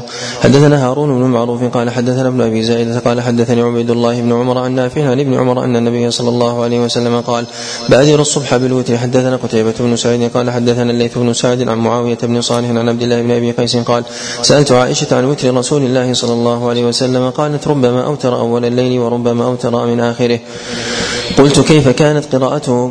كان يسر بالقراءة أم يجهر؟ قالت كل ذلك كان يفعل ربما سر وربما جهر وربما اغتسل فنام وربما توضأ فنام. قال أبو داود قال غير قتيبة تعني في الجنابة. حدثنا أحمد بن حنبل قال حدثنا يحيى عن عبيد الله قال حدثني نافع عن ابن عمر عن النبي صلى الله عليه وسلم أنه قال اجعلوا آخر صلاتكم بالليل وترا. باب في نقل الوتر. حدثنا مسدد قال حدثنا منازل بن عمرو قال حدثنا عبد الله بن بدر عن قيس بن طلق قال زارنا طلق بن علي في يوم رمضان. في يوم من رمضان وأمسى عندنا وأفطر ثم قام بنا الليلة وأوتر بنا ثم انحدر إلى مسجده فصلى بأصحابه حتى إذا بقي الوتر قدم رجلا فقال أوتر بأصحابه. أصحابك. فإني سمعت النبي صلى الله عليه وسلم يقول لا وتران في ليلة. باب القنوت في الصلوات. حدثنا داود بن أمية قال حدثنا معاذ يعني ابن هشام قال حدثني أبي عن يحيى بن أبي كثير قال حدثني أبو سلمة بن عبد الرحمن. قال حدثنا أبو هريرة قال والله لأقربن بكم صلاة رسول الله صلى الله عليه وسلم. قال فكان أبو هريرة يقنت في الركعة الآخرة من صلاة الظهر وصلاة العشاء الآخرة وصلاة الصبح فيدعو للمؤمنين ويلعن الكافرين. حدثنا أبو الوليد ومسلم بن إبراهيم وحفص بن عمر حا وحدثنا ابن معاذ قال حدثني أبي قالوا كلهم حدثنا شعبة عن عمرو بن مرة عن ابن أبي ليلى عن البراء أن النبي صلى الله عليه وسلم كان يقنت في صلاة الصبح زاد ابن معاذ وصلاة المغرب. حدثنا عبد الرحمن بن إبراهيم قال حدثنا الوليد قال حدثنا الأوزاعي قال حدثني يحيى بن أبي كثير قال حدثني أبو سلمة عن أبي هريرة قال قنت رسول الله صلى الله عليه وسلم في صلاة العتمة شهرا يقول في قنوته اللهم نج الوليد بن الوليد اللهم نج سلمة بن هشام اللهم نج المستضعفين من المؤمنين اللهم اشدد وطأتك على مضر اللهم اجعلها عليهم سنين كسني يوسف. قال أبو هريرة وأصبح رسول الله صلى الله عليه وسلم ذات يوم فلم يدعو لهم فذكرت ذلك له فقال وما تراهم قد قدموا. حدثنا عبد الله بن معاوية الجمحي قال حدثنا ثابت بن يزيد عن هلال بن خباب عن عكرمة عن ابن عباس قال قنت رسول الله صلى الله عليه وسلم شهرا متتابعا في الظهر والعصر والمغرب والعشاء وصلاة الصبح في دبر كل صلاة إذا قال سمع الله لمن حمده. من الركعة الآخرة يدعو على أحياء من بني سليم على رعن وذكوان وعصي ويؤمن من خلفه من خلفه. حدثنا سليمان بن حرب ومسدد قال حدثنا حماد عن أيوب عن محمد عن أنس إنه سئل هل قنت النبي صلى الله عليه وسلم في صلاه الصبح فقال نعم فقيل له قبل الركوع أو بعد الركوع قال بعد الركوع قال مسدد بيسير حدثنا أبو الوليد الطيالسي قال حدثنا حماد بن سلمة عن أنس بن سيرين عن أنس بن مالك أن النبي صلى الله عليه وسلم قانت شهرا ثم ترك. حدثنا مسدد قال حدثنا بشر بن المفضل قال حدثنا يونس بن عبيد عن محمد بن سيرين قال حدثني من صلى مع النبي صلى الله عليه وسلم صلاة الغداء فلما رفع رأسه من الركعة الثانية قام هنية. باب فضل فضل التطوع في البيت. حدثنا هارون بن عبد الله البزاز قال حدثنا مكي بن إبراهيم قال حدثنا عبد الله يعني بن سعيد بن أبي هند عن أبي نضر عن أبي النضر عن بسر بن سعيد عن زيد بن ثابت أنه قال احتجر رسول الله صلى الله عليه وسلم في المسجد حجرة فكان رسول الله صلى الله عليه وسلم يخرج من الليل فيصلي فيها. قال فصلوا معه فصلوا معه بصلاته. يعني رجالا وكانوا يأتونه كل ليلة حتى إذا كان ليلة من الليالي لم يخرج إليهم رسول الله صلى الله عليه وسلم. فتنحنحوا ورفعوا أصواتهم وحصبوا بابه. قال فخرج إليهم رسول الله صلى الله عليه وسلم مغضبا. فقال يا أيها الناس ما زال بكم صنيعكم حتى ظننت أن ستكتب عليكم فعليكم بالصلاة في بيوتكم فإن خير صلاة المرء في بيته إلا الصلاة المكتوبة. حدثنا مسدد قال حدثنا يحيى عن عبيد الله قال أخبرنا نافع عن ابن عمر قال قال رسول الله صلى الله عليه وسلم اجعلوا في بيوتكم من صلاتكم ولا تتخذوها قبورا. باب حدثنا أحمد بن حنبل قال حدثنا حجاج قال قال ابن جريج حدثني عثمان بن أبي سليمان عن علي الأزدي عن عبيد بن عمير عن عبد الله بن حبشي الخثعمي أن النبي صلى الله عليه وسلم سئل أي الأعمال أفضل؟ قال طول القيام قيل فأي الصدقة أفضل؟ قال جهد المقل قيل فأي الهجرة أفضل؟ قال من هاجر ما حرم الله عليه. قيل فأي الجهاد أفضل؟ قال من جاهد المشركين بماله ونفسه. قيل فأي القتال أشرف؟ قال من اهريق دمه وعقر جواده. باب الحث على قيام الليل. حدثنا محمد بن بشار. قال حدثنا يحيى. قال حدثنا ابن عجلان قال حدثنا القعقاع بن حكيم عن أبي صالح عن أبي هريرة. قال قال رسول الله صلى الله عليه وسلم رحم الله رجلا قام من الليل فصلى وأيقظ امرأته فصلت فإن أبت نضح في وجهها الماء. رحم الله امرأة قامت من الليل فصلت وأيقظت زوجها فإن ابى نضحت في وجهه الماء. حدثنا محمد بن حاتم بن بزيع قال حدثنا عبيد الله بن موسى عن شيبان عن الأعمش عن علي بن الأقبل عن عن الأغر أبي مسلم عن أبي سعيد وأبي هريرة قال قال رسول الله صلى الله عليه وسلم من استيقظ من الليل وايقظ امرأته فصلى ركعتين جميعا كتبا من الذاكرين الله كثيرا والذاكرات. أبواب فضائل القرآن. باب في ثواب قراءة القرآن. حدثنا حفص بن عمر قال حدثنا شعبة عن علقمة بن مرثد عن سعد بن عبيدة عن أبي عبد الرحمن عن عثمان عن النبي صلى الله عليه وسلم أنه قال خيركم من تعلم القرآن وعلمه حدثنا أحمد بن عمرو بن السرح قال أخبرنا ابن وهب قال أخبرني يحيى بن أيوب عن زبال بن فائد عن سهل بن معاذ الجهني عن أبيه أن رسول الله صلى الله عليه وسلم قال من قرأ القرآن وعمل بما فيه ألبس والداه تاجا. ألبس أو ألبس والداه تاجا يوم القيامة. ضوءه أحسن من ضوء الشمس في بيوت الدنيا لو كانت فيكم. فما ظنكم بالذي عمل بهذا؟ حدثنا مسلم بن إبراهيم قال حدثنا هشام وهمام عن قتادة عن زرارة بن أوفى عن سعد بن هشام عن عائشة عن النبي صلى الله عليه وسلم أنه قال الذي يقرأ القرآن وهو ماهر به مع السفرة الكرام البررة والذي يقرأه وهو يشتد عليه فله أجران. حدثنا عثمان بن أبي شيبة قال حدثنا أبو معاوية الأعمش عن أبي صالح عن أبي هريرة عن النبي صلى الله عليه وسلم قال ما اجتمع قوم في بيت من بيوت الله يتلون كتاب الله ويتدارسونه بينهم إلا نزلت عليهم السكينة وغشيتهم الرحمة وحفتهم الملائكة وذكرهم الله في من عنده. حدثنا سليمان بن داود المهري قال أخبرنا ابن وهب قال حدثنا موسى بن علي بن رباح عن أبيه عن عقبة بن عامر الجهني الجهني قال خرج علينا رسول الله صلى الله عليه وسلم ونحن في الصفة. فقال أيكم يحب أن يغدو إلى بطحان أو العقيق فيأخذ ناقتين كوماوين زهراوين بغير إثم بالله. ولا قطع رحم قالوا كلنا يا رسول الله. قال فلان يغدو أحدكم كل يوم إلى المسجد فيتعلم آيتين من كتاب الله خير له من ناقتين وإن ثلاث فثلاث مثله أعدادهن من الإبل.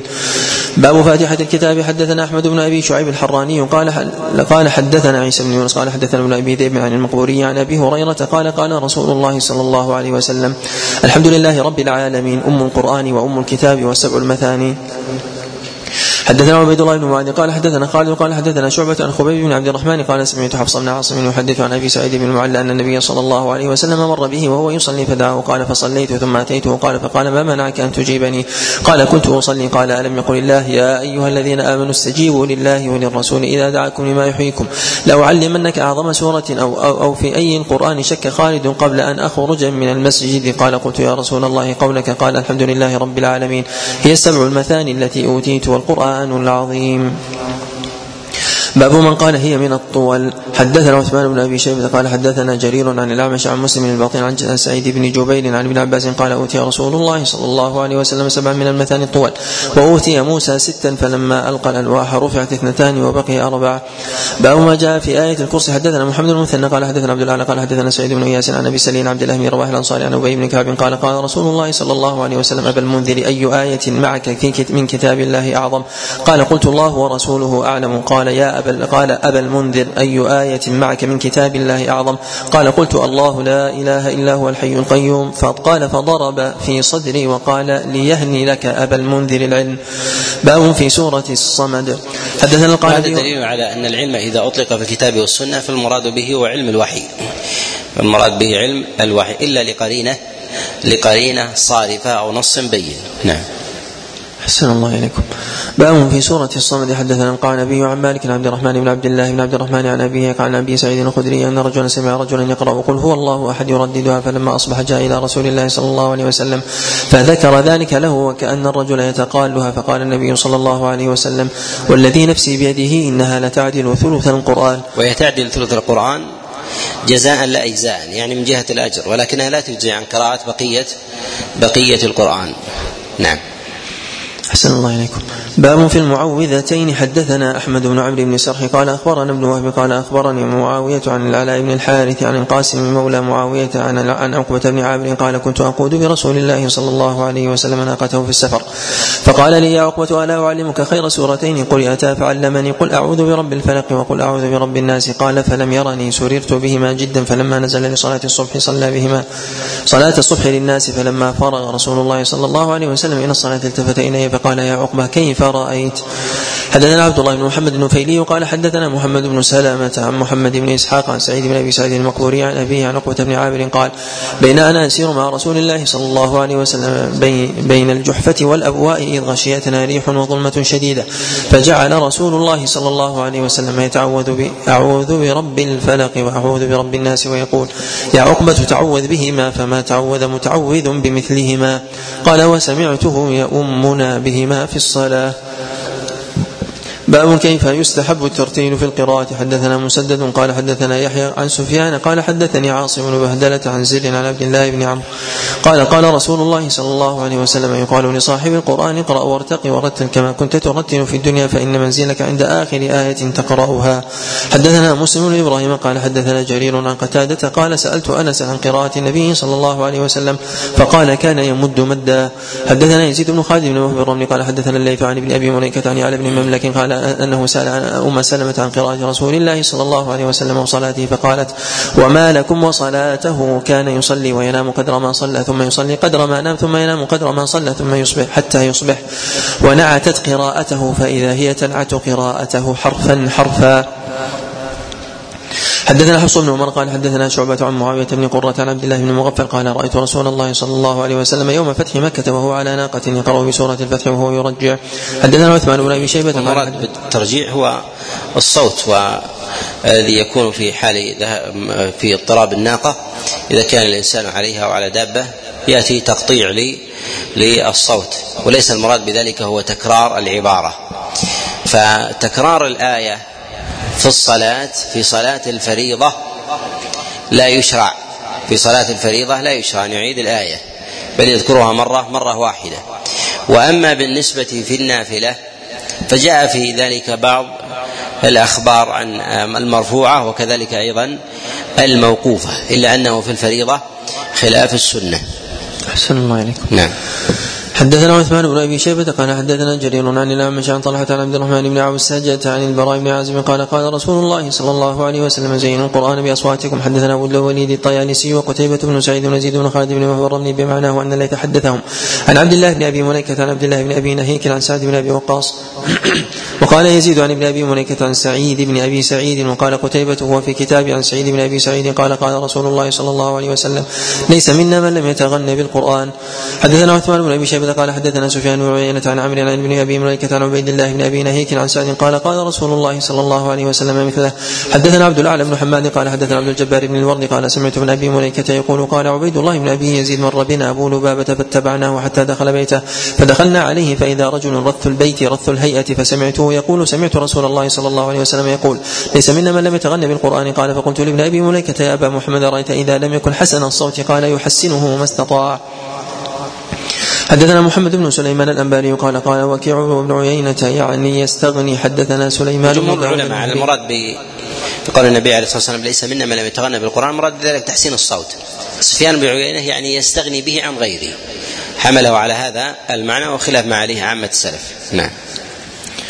حدثنا سليمان بن داود المهري قال أخبرنا ابن وهب قال حدثني عمر بن مالك وحيوة وابن الهادي عن محمد بن إبراهيم بن الحارث عن أبي سلمة بن عبد الرحمن عن أبي هريرة أن رسول الله صلى الله عليه وسلم قال ما أذن الله لشيء ما أذن لنبي حسن الصوت يتغنى بالقرآن يجهر به. باب التشديد في من حفظ القرآن ثم نسيه. حدثنا محمد بن العلاء قال حدثنا ابن إدريس عن يزيد بن أبي زياد عن عيسى بن فائد عن سعد بن عبادة قال قال رسول الله صلى الله عليه وسلم ما من امرئ يقرأ القرآن ثم ينساه إلا لقي الله يوم القيامة أجذم ولا يصح هذا. حديث لا يصح. صلى الله عليكم. باب ولا يصح وعيد معين في نسيان القرآن إلا أن السلف يتفقون على على شدة كراهة ذلك على شدة كراهة ذلك. وجاء عن ابن سيرين نقله عن عن السلف أنهم كانوا يكرهون ذلك ويمنعون منه. نعم. أحسن الله إليكم باب أنزل القرآن على سبعة أحرف. حدثنا القعنبي عن مالك عن ابن شهاب عن عروة بن الزبير عن عبد الرحمن بن عبد القاري قال سمعت عمر بن الخطاب يقول سمعت هشام بن حكيم بن حزام يقرأ سورة الفرقان على غير ما أقرأها وكان رسول الله صلى الله عليه وسلم قرانيها فكدت أن أعجل عليه ثم أمهلته حتى انصرف. ثم لببته بردائه فجئت به رسول الله صلى الله عليه وسلم فقلت يا رسول الله إني سمعت هذا يقرأ سورة الفرقان على غير ما أقرأتنيها فقال له رسول الله صلى الله عليه وسلم اقرأ فقرأ القراءة التي سمعته يقرأ. فقال رسول الله صلى الله عليه وسلم هكذا أنزل ثم قال لي اقرأ. فقرأت فقال هكذا أنزل ثم قال إن هذا القرآن أنزل على سبعة أحرف فاقرأوا ما تيسر منه حدثنا محمد بن يحيى بن فارس قال حدثنا عبد الرزاق قال أخبرنا معمر قال قال الزهري إنما هذه الأحرف في الأمر الواحد ليس تختلف في حلال ولا حرام. حدثنا أبو الوليد الطيالسي قال حدثنا همام بن يحيى عن قتادة عن يحيى بن يعمر عن سليمان بن صرد الخزاعي عن أبي بن كعب قال قال النبي صلى الله عليه وسلم يا أبي إني أقرأت القرآن فقيل لي على حرف أو حرفين قال الملك للذي معي قل على حرفين. قلت على حرفين قيل لي على حرفين أو ثلاثة فقال الملك الذي معي قل على ثلاثة. قلت على ثلاثة حتى بلغ سبعة أحرف ثم قال ليس منها إلا شاف كاف إن قلت سميعا عليما عزيزا حكيما لم تختم آية عذاب ما لم تختم آية عذاب برحمة أو آية رحمة بعذاب.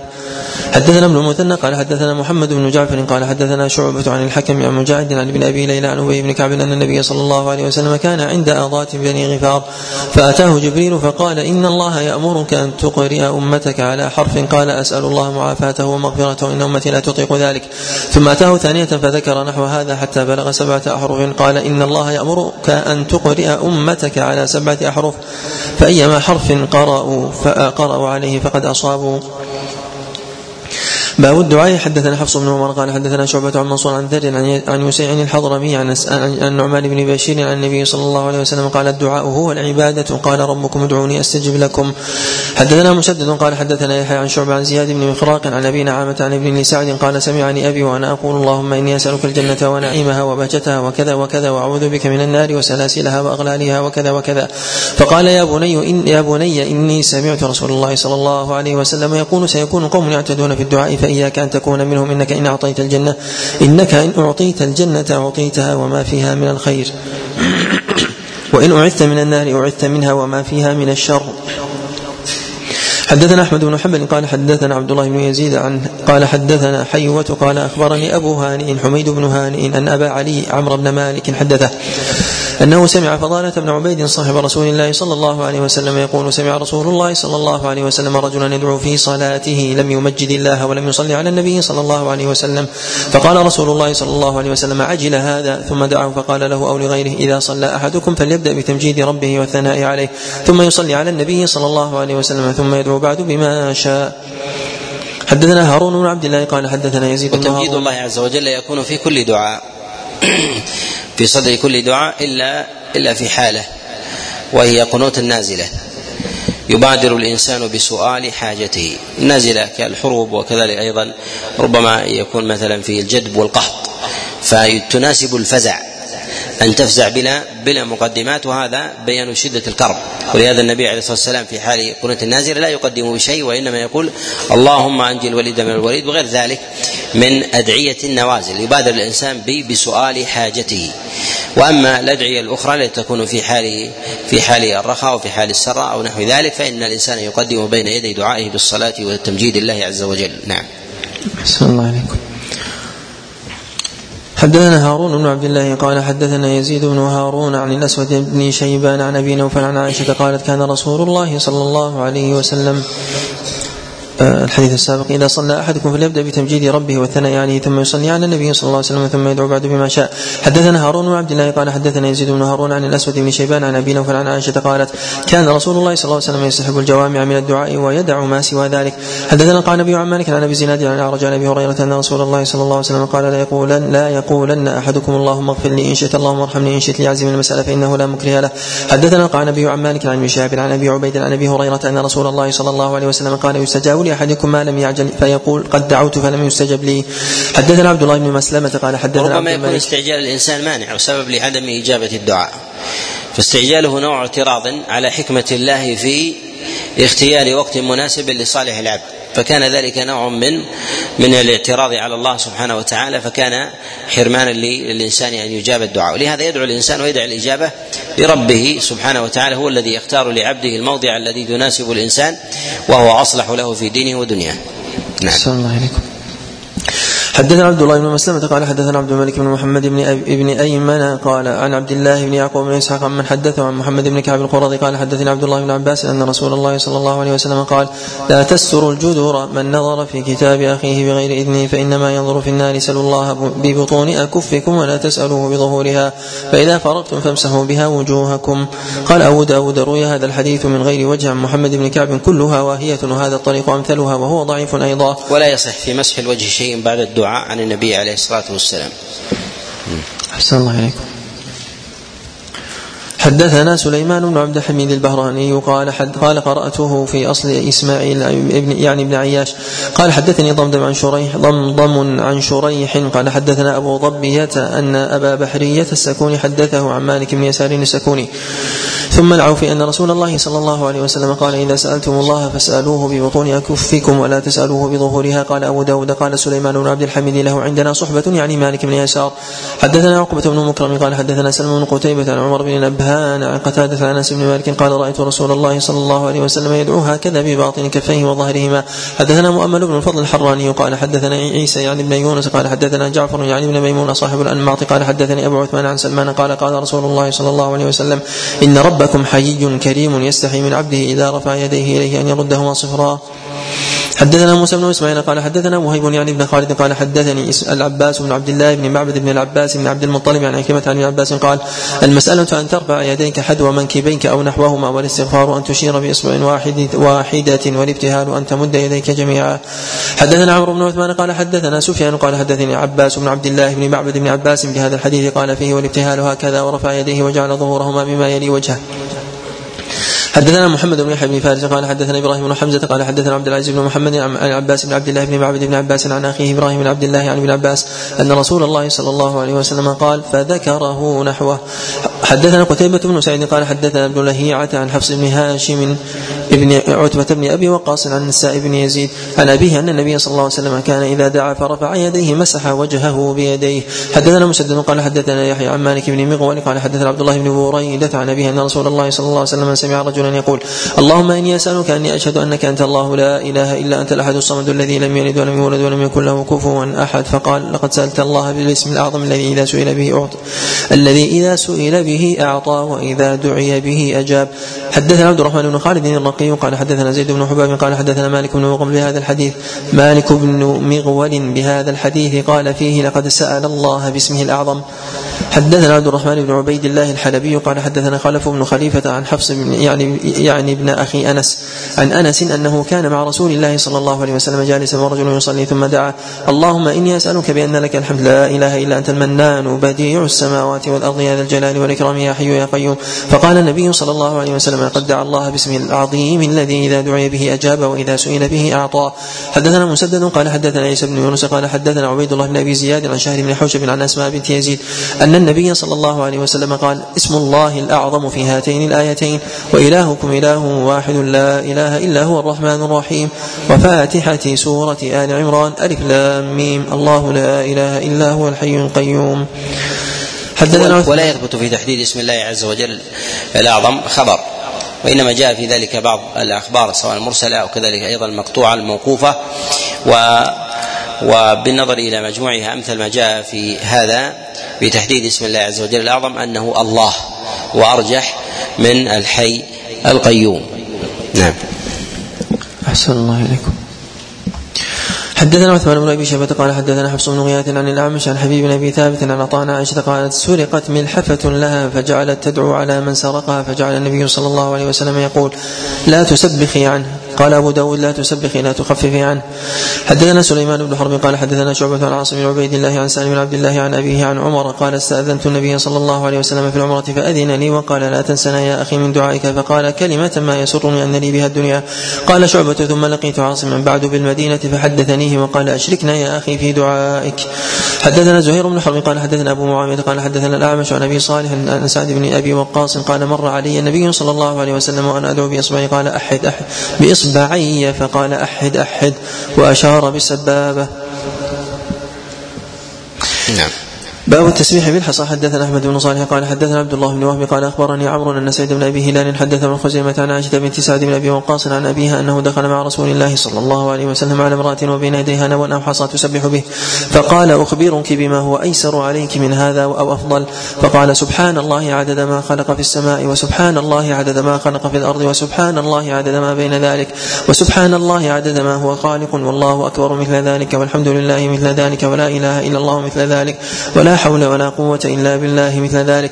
حدثنا مسدد قال حدثنا عبد الله بن داود عن هاني بن عثمان عن حميضة بنت ياسر عن يسيرة أخبرتها أن النبي صلى الله عليه وسلم أمرهن أن يراعين بالتكبير والتقديس والتهليل وأن يعقدن بالأنامل فإنهن مسؤولات مستنطقات. حدثنا عبيد الله بن عمر بن ميسر ومحمد ولم يثبت عن النبي عليه الصلاة والسلام تسبيح الحصى أو في غيره من الخرز شيء وإنما النبي عليه الصلاة والسلام يسبح بيده ولم يثبت عنه أيضا أنه نهى عن ذلك. وقد جاء عن بعض الصحابة أنه كان يسبح بهذا جاء هذا عن أبي هريرة عليه رضوان الله وجاء عن غيره يروى عن أبي موسى وعن عائشة عليهم رضوان الله وجاء أيضا عن بعض التابعين. ولا أعلم من نهى عنه من الصحابة إلا ما جاء عن عبد الله بن مسعود عليه رضوان الله كما رواه ابن وضاح في كتاب البدع والنهي عنها. وجاء أيضا نهي بعض الفقهاء من المتأخرين من هذا. والذي يظهر والله أعلم أنه لا بأس بذلك لا باس لا بأس بهذا. وخاصة إذا كان الإنسان لا يضبط أو ينسى آه، أو لا يحصي العد لشيء من الصوارف آه، أو كبر السن ونحو ذلك فهذا مما لا حرج لا حرج فيه. وهذا الذي كان يرخص به عامة عامة السلف. نعم. أحسن الله إليكم. حدثنا عبيد الله بن عمر بن ميسرة ومحمد بن قدامة في آخرين قالوا حدثنا عثام عن الأعمش عن عطاء بن سابع عن أبيه عن عبد الله بن عمرو قال رأيت رسول الله صلى الله عليه وسلم يعقد التسبيح قال ابن قدامة بيمينه. حدثنا داود زيادة ابن قدامة غير محفوظة. خالف فيها الرواة عن الأعمش نعم. أحسن الله إليكم. حدثنا داود بن أمية قال حدثنا سفيان بن عيينة عن محمد بن عبد الرحمن مولى أبي طلحة عن كريب عن ابن عباس قال خرج رسول الله صلى الله عليه وسلم من عند جويرية وكان وكان اسمها برة. فحول اسمها فخرج وهي في مصلاها. فرجع وهي في مصلاها فقال ألم تزالي في مصلاك هذا؟ قالت نعم. قال قد قلت بعدك أربع كلمات ثلاث مرات لو وزنت بما قتل وزنتهن سبحان الله وبحمده عدد خلقه ورضا نفسه وزنة عرشه ومداد كلماته. حدثنا عبد الرحمن بن إبراهيم قال حدثنا الوليد بن مسلم قال حدثنا الأوزاعي قال حدثني حسان بن عطية قال حدثني محمد بن أبي عائشة قال حدثني أبي هريرة قال قال أبو ذر يا رسول الله ذهب أصحاب الدثور بالأجور يصلون كما نصلي ويصومون كما نصوم لهم فضول أموال يتصدقون بها وليس لنا مال نتصدق به. فقال رسول الله صلى الله عليه وسلم يا أبا ذر ألا أعلمك كلمات تدرك بهن من سبقك ولا يلحقك من خلفك إلا من أخذ بمثل عملك. قال بلى يا رسول الله قال تكبر الله دور كل صلاة ثلاثا وثلاثين وتحمد ثلاثا وثلاثين وتسبح ثلاثا وثلاثين وتختمها بلا إله إلا الله وحده لا شريك له. له الملك وله الحمد وهو على كل شيء قدير. غفرت له ذنوبه ولو كانت مثل زبد البحر. باب ما يقول الرجل إذا سلم. حدثنا مسدد قال حدثنا أبو معاوية عن الأعمش عن المسيب بن رافع عن وراد مولى المغيرة بن شعبة عن المغيرة بن شعبة أنه كتب قال كتب معاوية إلى المغيرة بن شعبة أي شيء كان رسول الله صلى الله عليه وسلم يقول إذا سلم من الصلاة. فأملاها المغيرة عليه وكتب إلى معاوية قال كان رسول الله صلى الله عليه وسلم يقول لا إله إلا الله وحده لا شريك له له الملك وله الحمد وهو على كل شيء قدير. اللهم لا مانع لما أعطيت ولا معطي لما منعت ولا ينفع ذا الجد منك الجد. حدثنا محمد بن عيسى قال حدثنا ابن علية عن الحجاج بن أبي عثمان عن أبي الزبير قال سمعت عبد الله بن الزبير على المنبر يقول كان النبي صلى الله عليه وسلم إذا انصرف من الصلاة يقول لا إله إلا الله وحده لا شريك له له الملك وله الحمد وهو على كل شيء قدير. لا إله إلا الله مخلصين له الدين ولو كره الكافرون أهل النعمة والفضل والثناء الحسن. لا إله إلا الله مخلصين له الدين ولو كره الكافرون. حدثنا محمد بن سليمان الأنباري قال حدثنا عبدة عن هشام بن عروة عن أبي الزبير قال كان عبد الله بن الزبير يهلل بهن في دبر كل صلاة فذكر هذا الدعاء وزاد فيه لا حول ولا قوة إلا بالله لا إله إلا الله لا نعبد إلا إياه له النعمة وساق باقي الحديث بقية الحديث. حدثنا مسدد وسليمان بن داود العتكي وهذا حديث مسدد قال حدثنا المعتمر قال سمعت داود الطفاوي قال حدثني أبو مسلم البجلي عن زيد بن أرقم عن زيد بن أرقم قال سمعت نبي الله صلى الله عليه وسلم يقول قال سليمان كان رسول الله صلى الله عليه وسلم يقول دور صلاته اللهم ربنا ورب كل شيء أنت أنا أنا شهيد أنك أنت الرب وحدك لا شريك لك. اللهم ربنا ورب كل شيء أنا شهيد أن محمدا عبدك ورسولك. اللهم ربنا ورب كل شيء أنا شهيد أن العباد كلهم إخوة. اللهم ربنا ورب كل شيء اجعلني مخلصا لك وأهلي في كل ساعة في الدنيا والآخرة. يا ذا الجلال والإكرام اسمع واستجب. الله أكبر الأكبر الله أكبر الأكبر. اللهم نور السماوات والأرض قال سليمان بن داود رب السماوات والأرض. الله أكبر الأكبر حسبي الله ونعم الوكيل. الله أكبر الأكبر. حدثنا عبيد الله بن معاذ قال حدثنا أبي قال حدثنا عبد العزيز بن أبي سلمة عن عمه الماجشون بن أبي سلمة عن عبد الرحمن الأعرج عن عبيد الله بن أبي رافع عن علي بن أبي طالب قال كان النبي صلى الله عليه وسلم إذا سلم من الصلاة قال اللهم اغفر لي ما قدمت وما أخرت وما أسررت وما أعلنت وما أسرفت وما أنت أعلم به مني أنت المقدم والمؤخر لا إله إلا أنت.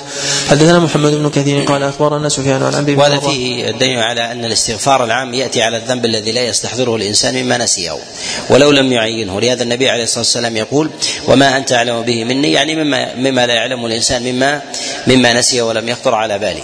وأقوى الاستغفار إذا استحضر الإنسان ذنبا بعينه ثم تاب منه بعينه فهذا أعظم أعظم وجوه التوبة. وإذا لم يستحضر الذنب بعينه فيستغفر عموما وفضل الله عز وجل في ذلك واسع.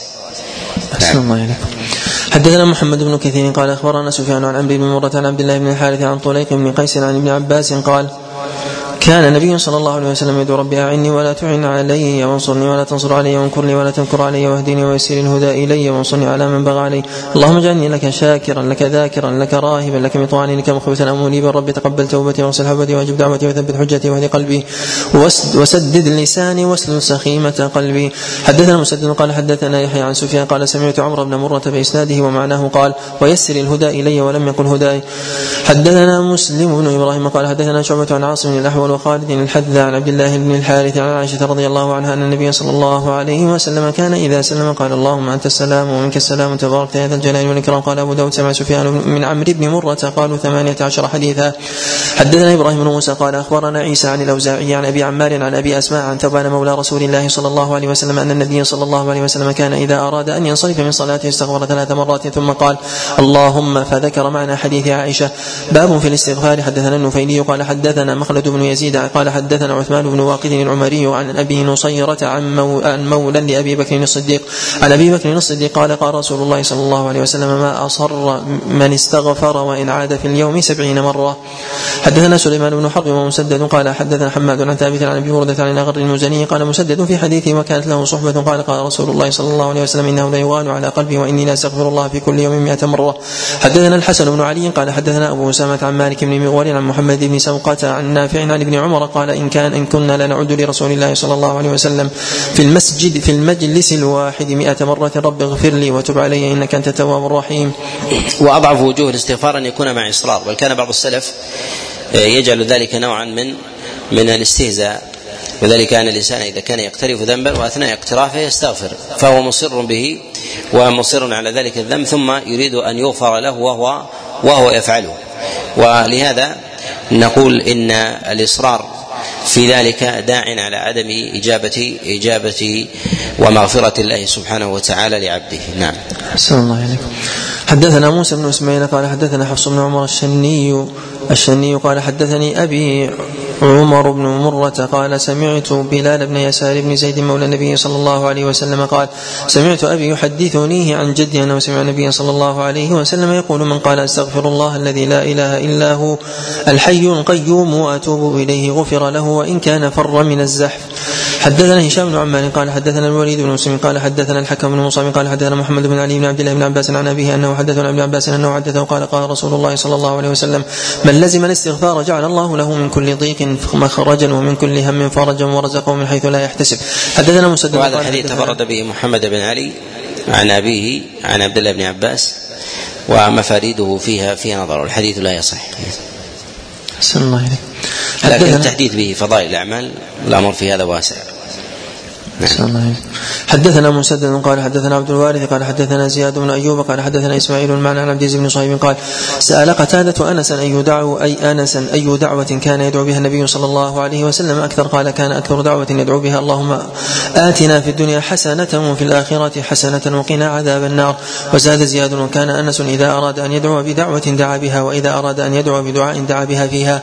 حدثنا يزيد بن خالد الرملي قال حدثنا ابن وهب قال حدثنا عبد الرحمن بن شرح عن أبي أمامة بن سهل بن حنيف عن ابيه قال قال رسول الله صلى الله عليه وسلم من سأل الله الشهاده بصدق بلغه الله منازل الشهداء ومن مات على فراشه حدثنا مسدد قال حدثنا أبو عوانة عن عثمان بن مغيرة الثقفي عن علي بن ربيعة الأسدي عن أسماء بن الحكم قال سمعت عليا يقول كنت رجلا إذا سمعت من رسول الله صلى الله عليه وسلم حديثا نفعني الله به ما شاء بما شاء أن ينفعني نفعني الله منه بما شاء أن ينفعني وإذا حدثني أحد من أصحابه استحلفته فإذا حلف لي صدقته قال وحدثني أبو بكر وصدق أبو بكر أنه قال سمعت رسول الله صلى الله عليه وسلم يقول ما من عبد يذنب ذنبا فيحسن الطهور ثم يقوم فيصلي ركعتين ثم يستغفر الله إلا غفر الله له ثم قرأ هذه الآية. والذين إذا فعلوا فاحشة أو ظلموا أنفسهم ذكروا الله إلى آخر الآية. حدثنا عبيد الله بن عمر بن ميسرة قال حدثنا عبد الله بن يزيد بن المغري قال حدثنا حيوة بن شريح قال حدثني عقبة بن مسلم يقول قال حدثني عقبة بن مسلم يقول حدثني أبو عبد الرحمن الحبولي عن الصنابحي عن معاذ بن جبل أن رسول الله صلى الله عليه وسلم أخذ بيده وقال يا معاذ والله إني لأحبك فقال أوصيك يا معاذ لا تدعن في دبر كل صلاة تقول اللهم أعني على ذكرك وشكرك وحسن عبادتك وأوصى بذلك معاذ الصنابحي وأوصى به الصنابحي أبا عبد الرحمن وأوصى به الصنابحي أبا عبد الرحمن. وفي هذا أن الإنسان إذا أراد أن يوصي أحدا بخصيصة أن يأخذ بيده كما أخذ النبي عليه الصلاة والسلام بيد معاذ. وذلك ليستحضر الذهن ويرعيه السمع ويحضر بقلبه بخلاف الكلام الذي يرسله الإنسان. ولهذا النبي عليه الصلاة والسلام أخذ بيد بيد معاذ وقال له إني لأحبك ثم حدثه بتلك الوصية. فهذه المقدمات ليعي ذلك الأمر نعم. أحسن الله إليكم.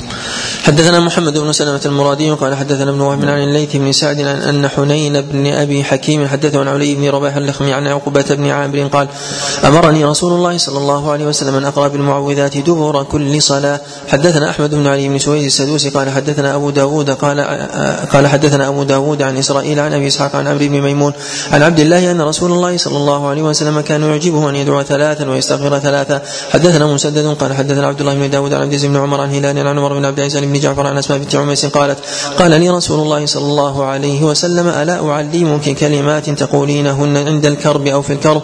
الله الله ربي لا أشرك به شيئا. قال أبو داود هذا هلال مولى عمر بن عبد العزيز وابن جعفر هو عبد الله بن جعفر. الرفع ولا النصب يا شيخ أحسن؟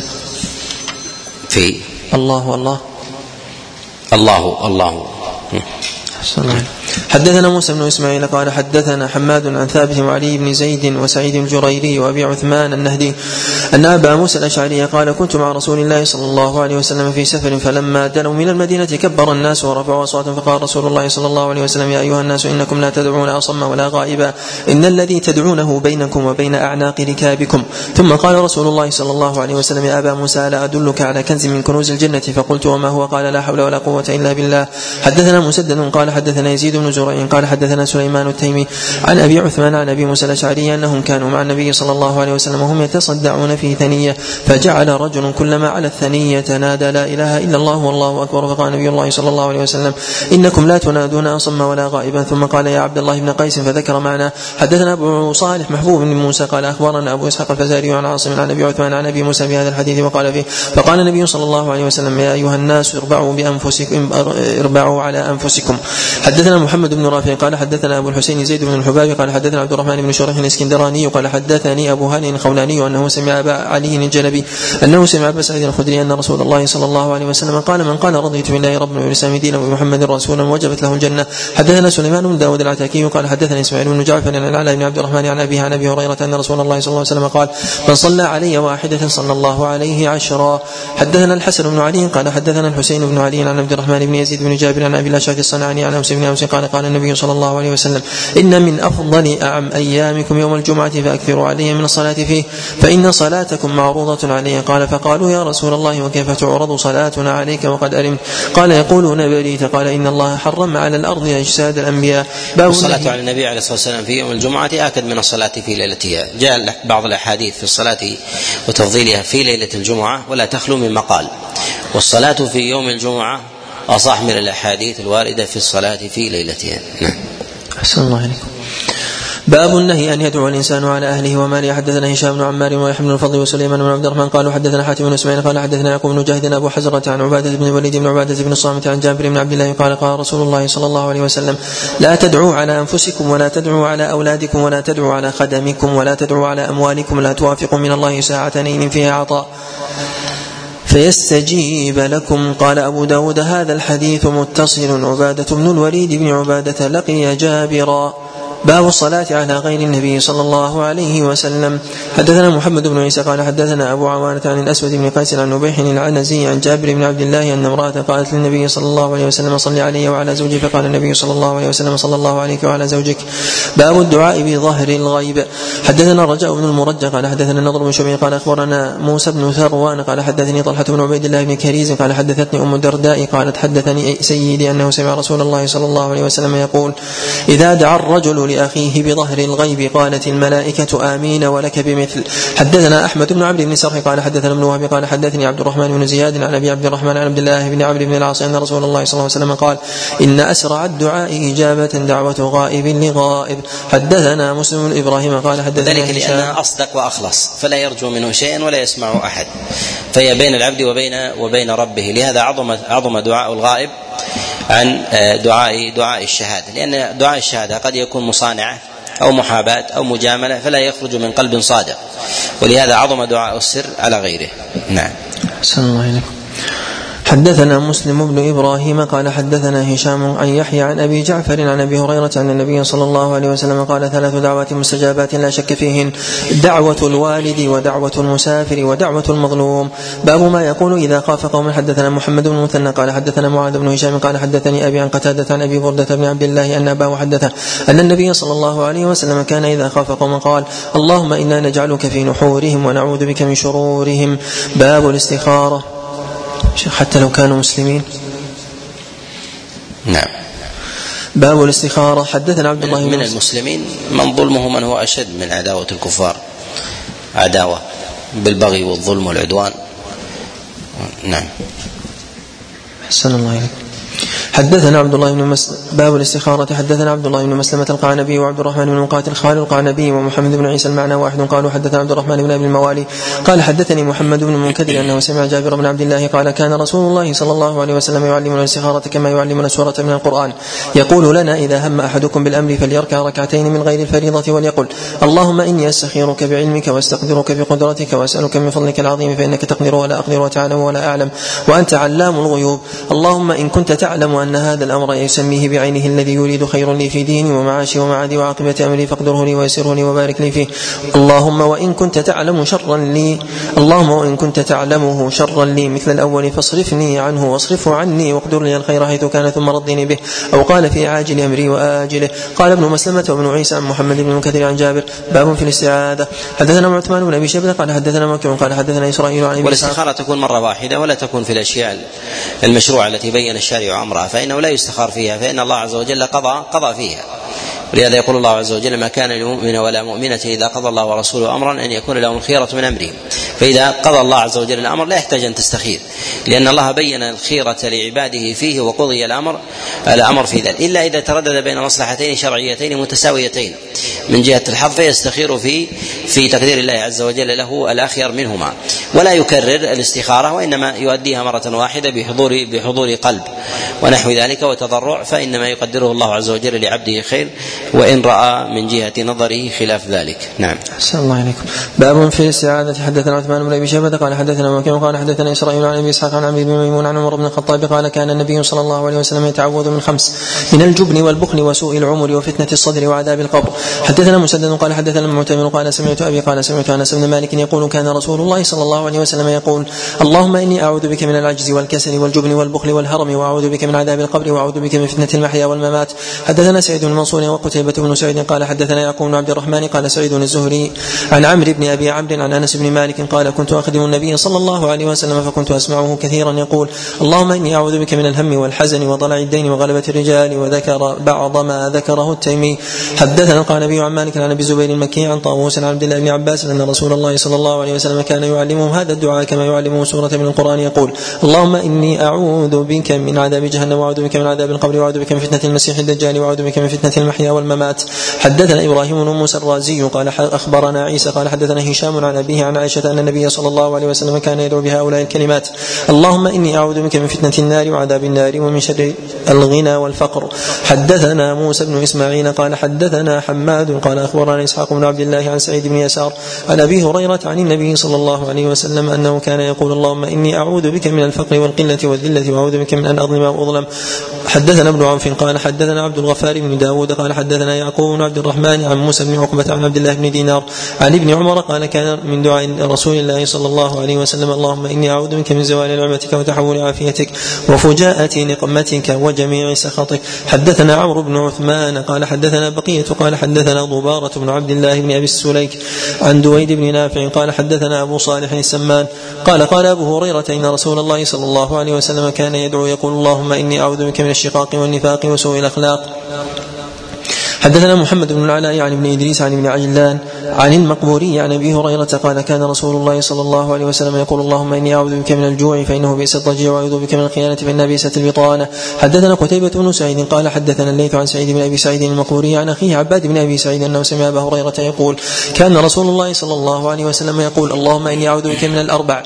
من علم لا ينفع ومن قلب ومن قلب لا يخشى ومن نفس لا تشبع ومن دعاء لا يسمع. حدثنا محمد بن المتوكل قال حدثنا المعتمر قال قال أبو المعتمر أرى أن أنس بن مالك حدثنا أن النبي صلى الله عليه وسلم كان يقول اللهم إني أعوذ بك من صلاة لا تنفع وذكر دعاء آخر. حدثنا عثمان بن أبي شيبة قال حدثنا جرير عن منصور عن هلال بن يساف عن فروة بن نوفل الأشجعي قال سألت عائشة أم المؤمنين عما كان رسول الله صلى الله عليه وسلم يدعو به. قالت كان يقول اللهم إني أعوذ بك من شر ما عملت من شر ما لم أعمل.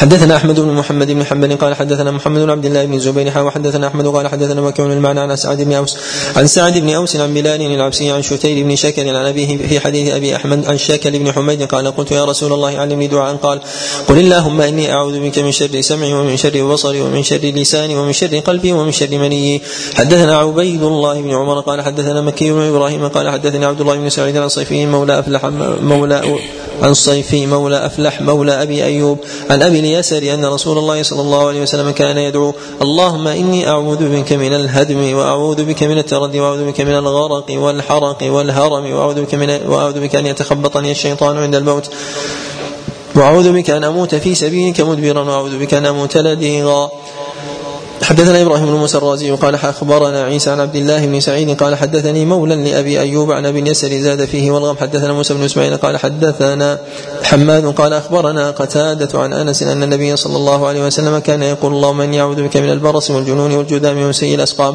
حدثنا أحمد بن عبيد الله الغداني قال أخبرنا غسان بن عوف قال أخبرنا جرير عن أبي نضرة عن أبي سعيد الخدري قال دخل رسول الله صلى الله عليه وسلم ذات يوم المسجد فإذا هو برجل من الأنصار يقال له أبو أمامة. فقال يا أبا أمامة ما لي أراك جالسا في المسجد في غير وقت الصلاة فقال هموم لزمتني وديون يا رسول الله. قال أفلا أعلمك كلاما إذا أنت قلته أذهب الله همك وقضى عنك دينك. قال قلت بلى يا رسول الله. قال قل إذا أصبحت وإذا أمسيت.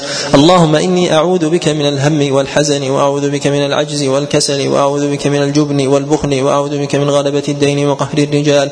قال ففعلت ذلك فأذهب الله همي وقضى عني ديني. وفي هذا سؤال, المهموم والمحزون عن سبب همه وحزنه وهذا من السنة جبرا له وإعانة له على على كربه. نعم. أحسن الله إليكم. كتاب الزكاة. حدثنا قتيبة بن سعيد الثقفي قال حدثنا الليث عن عقيل عن الزهري قال أخبرني عبيد الله بن عبد الله بن عتبة عن أبي هريرة قال لما توفي رسول الله صلى الله عليه وسلم واستخلف أبو بكر بعده وكفر من كفر من العرب. قال عمر بن الخطاب لأبي بكر كيف تقاتل الناس؟ وقد قال رسول الله صلى الله عليه وسلم أمرت أن أقاتل الناس حتى يقولوا لا إله إلا الله. فمن قال لا إله إلا الله وعصم مني ماله ونفسه إلا بحقه وحسابه على الله. فقال أبو بكر والله لا أقاتلن من فرق بين الصلاة والزكاة فإن الزكاة مات حق المال ولو والله لو منعوني عقالا كانوا يؤدونه إلى رسول الله صلى الله عليه وسلم لقاتلتم على منعه فقال عمر بن الخطاب فوالله ما هو إلا أن رأيت أن إلا أن رأيت الله قد شرح صدر أبي بكر للقتال. قال فعرفت أنه الحق. قال أبو داود ورواه رباح بن زيد وعبد الرزاق عن معمر عن الزهري عن بإسناده وقال بعضهم عقالا ورواه ابن وهب عن يونس قال عناقا قال أبو داود قال شعيب بن أبي حمزة ومعمر والزبيدي عن الزهري في هذا الحديث لو منعوني عناقا وروى عبسة عن يونس عن الزهري في هذا الحديث قال عناقا حدثنا ابن السرح قال حدثنا ابن السرح وسليمان بن داود قال أخبرنا ابن وهب قال أخبرني يونس عن الزهري قال قال أبو بكر إن حقه أداء الزكاة وقال عقالا. وفي قوله أمرت أن أقاتل الناس دليل على جهاد الطلب وديمومة هذا الأمر. وكذلك أيضا أنه قد يخالف في بعض الحق البين أهل العلم والفضل أو المبرزين في ذلك ولكن يعودون عند بيان الحق. عند بيان الحق إن كانوا من أهل الصدق كما عاد عمر بن الخطاب عليه رضوان الله تعالى إلى موافقة عمر بعدما خالفه في ابتداء في ابتداء الأمر. نعم. باب ما تجب فيه الزكاة حدثنا عبد الله بن مسلمة قال قرأت على مالك بن أنس عن ابن عم عن عمرو بن يحيى المازني عن أبيه قال سمعت أبا سعيد الخدري يقول قال رسول الله صلى الله عليه وسلم ليس فيما دون خمس دود صدقة وليس فيما دون خمس أواق صدقة وليس فيما دون خمسة أوسق صدقة. حدثنا أيوب بن محمد الرقي قال حدثنا محمد بن عبيد قال حدثنا إدريس بن يزيد الأودي عن عمرو بن مرة الجملي عن أبي البختري الطائي. عن أبي سعيد يرفعه إلى النبي صلى الله عليه وسلم قال ليس فيما دون خمسة أوساق زكاة والوسق ستون مكتوبا قال أبو داود أبو الوختري لم يسمع من أبي سعيد. حدثنا محمد بن قدامة بن أعين قال حدثنا جرير عن المغيرة عن إبراهيم عن الوسق آه، قال الوسق ستون صاعا مكتوبا بالحجاج. حدثنا محمد بن بشار قال حدثنا محمد بن عبد الله الأنصاري قال حدثنا صورة بن أبي المنازل قال سمعت حبيبا المالكي قال قال رجل لعمران بن حسن يا أبا نجيد إنكم لتحدثون بأحاديث ما نجد لها أصلا في القرآن فغضب عمران وقال للرجل أوجدتم في كل أربعين درهما درهما ومن كل كذا وكذا شاة شاة شاة شاة. ومن كل كذا وكذا. ومن كل كذا وكذا شاة شاة. ومن كل كذا وكذا بعيرا كذا وكذا. أوجدتم هذا في القرآن. قال فعمن قال لا. قال فعن من أخذتم هذا؟ قال أخذتموه عنا وأخذناه عن النبي صلى الله عليه وسلم وذكر أشياء نحو هذا. باب العروض إذا كانت التجارة هل فيها زكاة؟ حدثنا محمد بن داود بن سفيان قال حدثنا ابن حسان قال حدثنا سليمان بن موسى. أبو داود قال حدثنا جعفر بن سعد بن سمرة بن جندب قال حدثني خبيب بن سليمان عن أبيه سليمان عن سمرة بن جندب قال أما بعد فإن رسول الله صلى الله عليه وسلم كان يأمرنا أن نخرج الصدقة من الذي نعد للبيع. باب وهذا عليه إجماع الصحابة الخلفاء الراشدين بأخرج إخراج الزكاة على عروض التجارة. نعم. صلى الله عليكم باب الكنز ما هو وزكاة الحلي. حدثنا أبو كامل وحميد بن مسعدة المعنى قال أن خالد بن الحارث حدثهم قال حدثنا حسين عن عمرو شعيب بن أبي عن جده أن امرأة أتت رسول الله صلى الله عليه وسلم ومعها ابنة لها وفي يد ابنتها مسكتان غليظتان من ذهب. فقال لها أتعطين الزكاة هذا؟ قالت لا. قال أيسرك أن يسورك الله بهما يوم القيامة سوارين من نار؟ قالت قال فخلعتهما فألقتهما إلى النبي صلى الله عليه وسلم وقالت هما لله ولرسوله. حدثنا محمد بن عيسى قال ولا يصح عن النبي عليه الصلاة والسلام هذا الخبر والصواب فيه الإرسال ولا يصح عن رسول الله صلى الله عليه وسلم في إيجاب الزكاة على الحلي حديث. نعم. صلى الله عليه وسلم. حدثنا محمد بن عيسى قال حدثنا عتاب يعني ابن بشير عن ثابت بن عجلان عن عطاء عن أم سلمة قالت كنت ألبس أوضاحا من ذهب فقلت يا رسول الله يا كنز هو. قال ما بلغ أن تؤدي زكاته فزكي فليس بكنز. قال حدثنا محمد بن إدريس الرازي. قال حدثنا عمرو بن الربيع بن طارق. قال حدثنا يحيى بن أيوب عن عبيد الله بن أبي جعفر عن محمد بن عمرو بن عطاء أخبره أن محمد بن عمرو بن عطاء أخبره عن عبد الله بن شداد بن الهادي أنه قال دخلنا على عائشة زوج النبي صلى الله عليه وسلم فقالت دخل علي رسول الله صلى الله عليه وسلم فرأى في يدي فتى خاتم من ورق فقال ما هذا يا عائشة؟ فقلت صنعتهن لأتزين لك يا رسول الله. قال أتؤدين زكاتهن؟ قلت لا. قال قلت لا. أو ما شاء الله. قال هو حسبك من النار. وهذا الحديث الحديث الذي قبله لا يصح لا يصحان أيضا عن النبي عليه الصلاة والسلام. وكما تقدم لا يثبت عن رسول الله صلى الله عليه وسلم في زكاة الحلي حديث لا من جهة إيجابه ولا من جهة عدم إيجابه. وقد جاء ثبت عن خمسة من أصحاب النبي عليه الصلاة عليه الصلاة والسلام أنهم كانوا يقولون بعدم وجوب زكاة الحلي وذهب إلى هذا الإمام أحمد ومالك والشافعي خلافا لأبي حنيفة الذي يقول بوجوب زكاه زكاة الحلي. والحلي إذا كان لدى المرأة فهو على حالين إما ملبوس وهذا الملبوس الذي يكون دائما معه فهذا لا يزكى. وأما غير ملبوس فالمخزون فيقال إنه هذا لا يخلو من من حالين. الحالة الأولى مخزون لدى المرأة هو معد لللبس المناسبات من الحفلات أو نحو ذلك فهذا يقول لا يزكى أيضا. ولو كانت المناسبات بعيدة. قد يكون مثلا آه، في السنة أو في السنتين لا يحدث في هذا مناسبة. وهي تقول إذا وجدت مناسبة لبست ولكن لم لم يقدر في هذا مناسبة فلا يزكى ولو طال ولو طال الأمر. ولكن إذا كان الحالة الثانية إذا كان المخزون لدى المرأة هو في صورة حلي ولكن من جهة الحقيقة هو مدخر في صورة حلي. فتضعه المرأة ولم تبيت أن مثل هذا النوع من الحلي أن تلبسه في أي مناسبة لو وجدت. فهذا يزكى ولو كان صورته أو شكله وهيئته وصياغته انه أنه حلي. وبعض السلف يقول إن زكاة الحلي هي عاريته ان أن تعير تعيره لأختها أو جارتها أو صاحبتها فإن هذا ضرب من ضروب أداء حق حق هذا الحلي. بالله التوفيق. وثمة استراحة بعد صلاة العصر. نكمل بإذن الله تعالى. وصلى الله وسلم وبارك على نبينا محمد.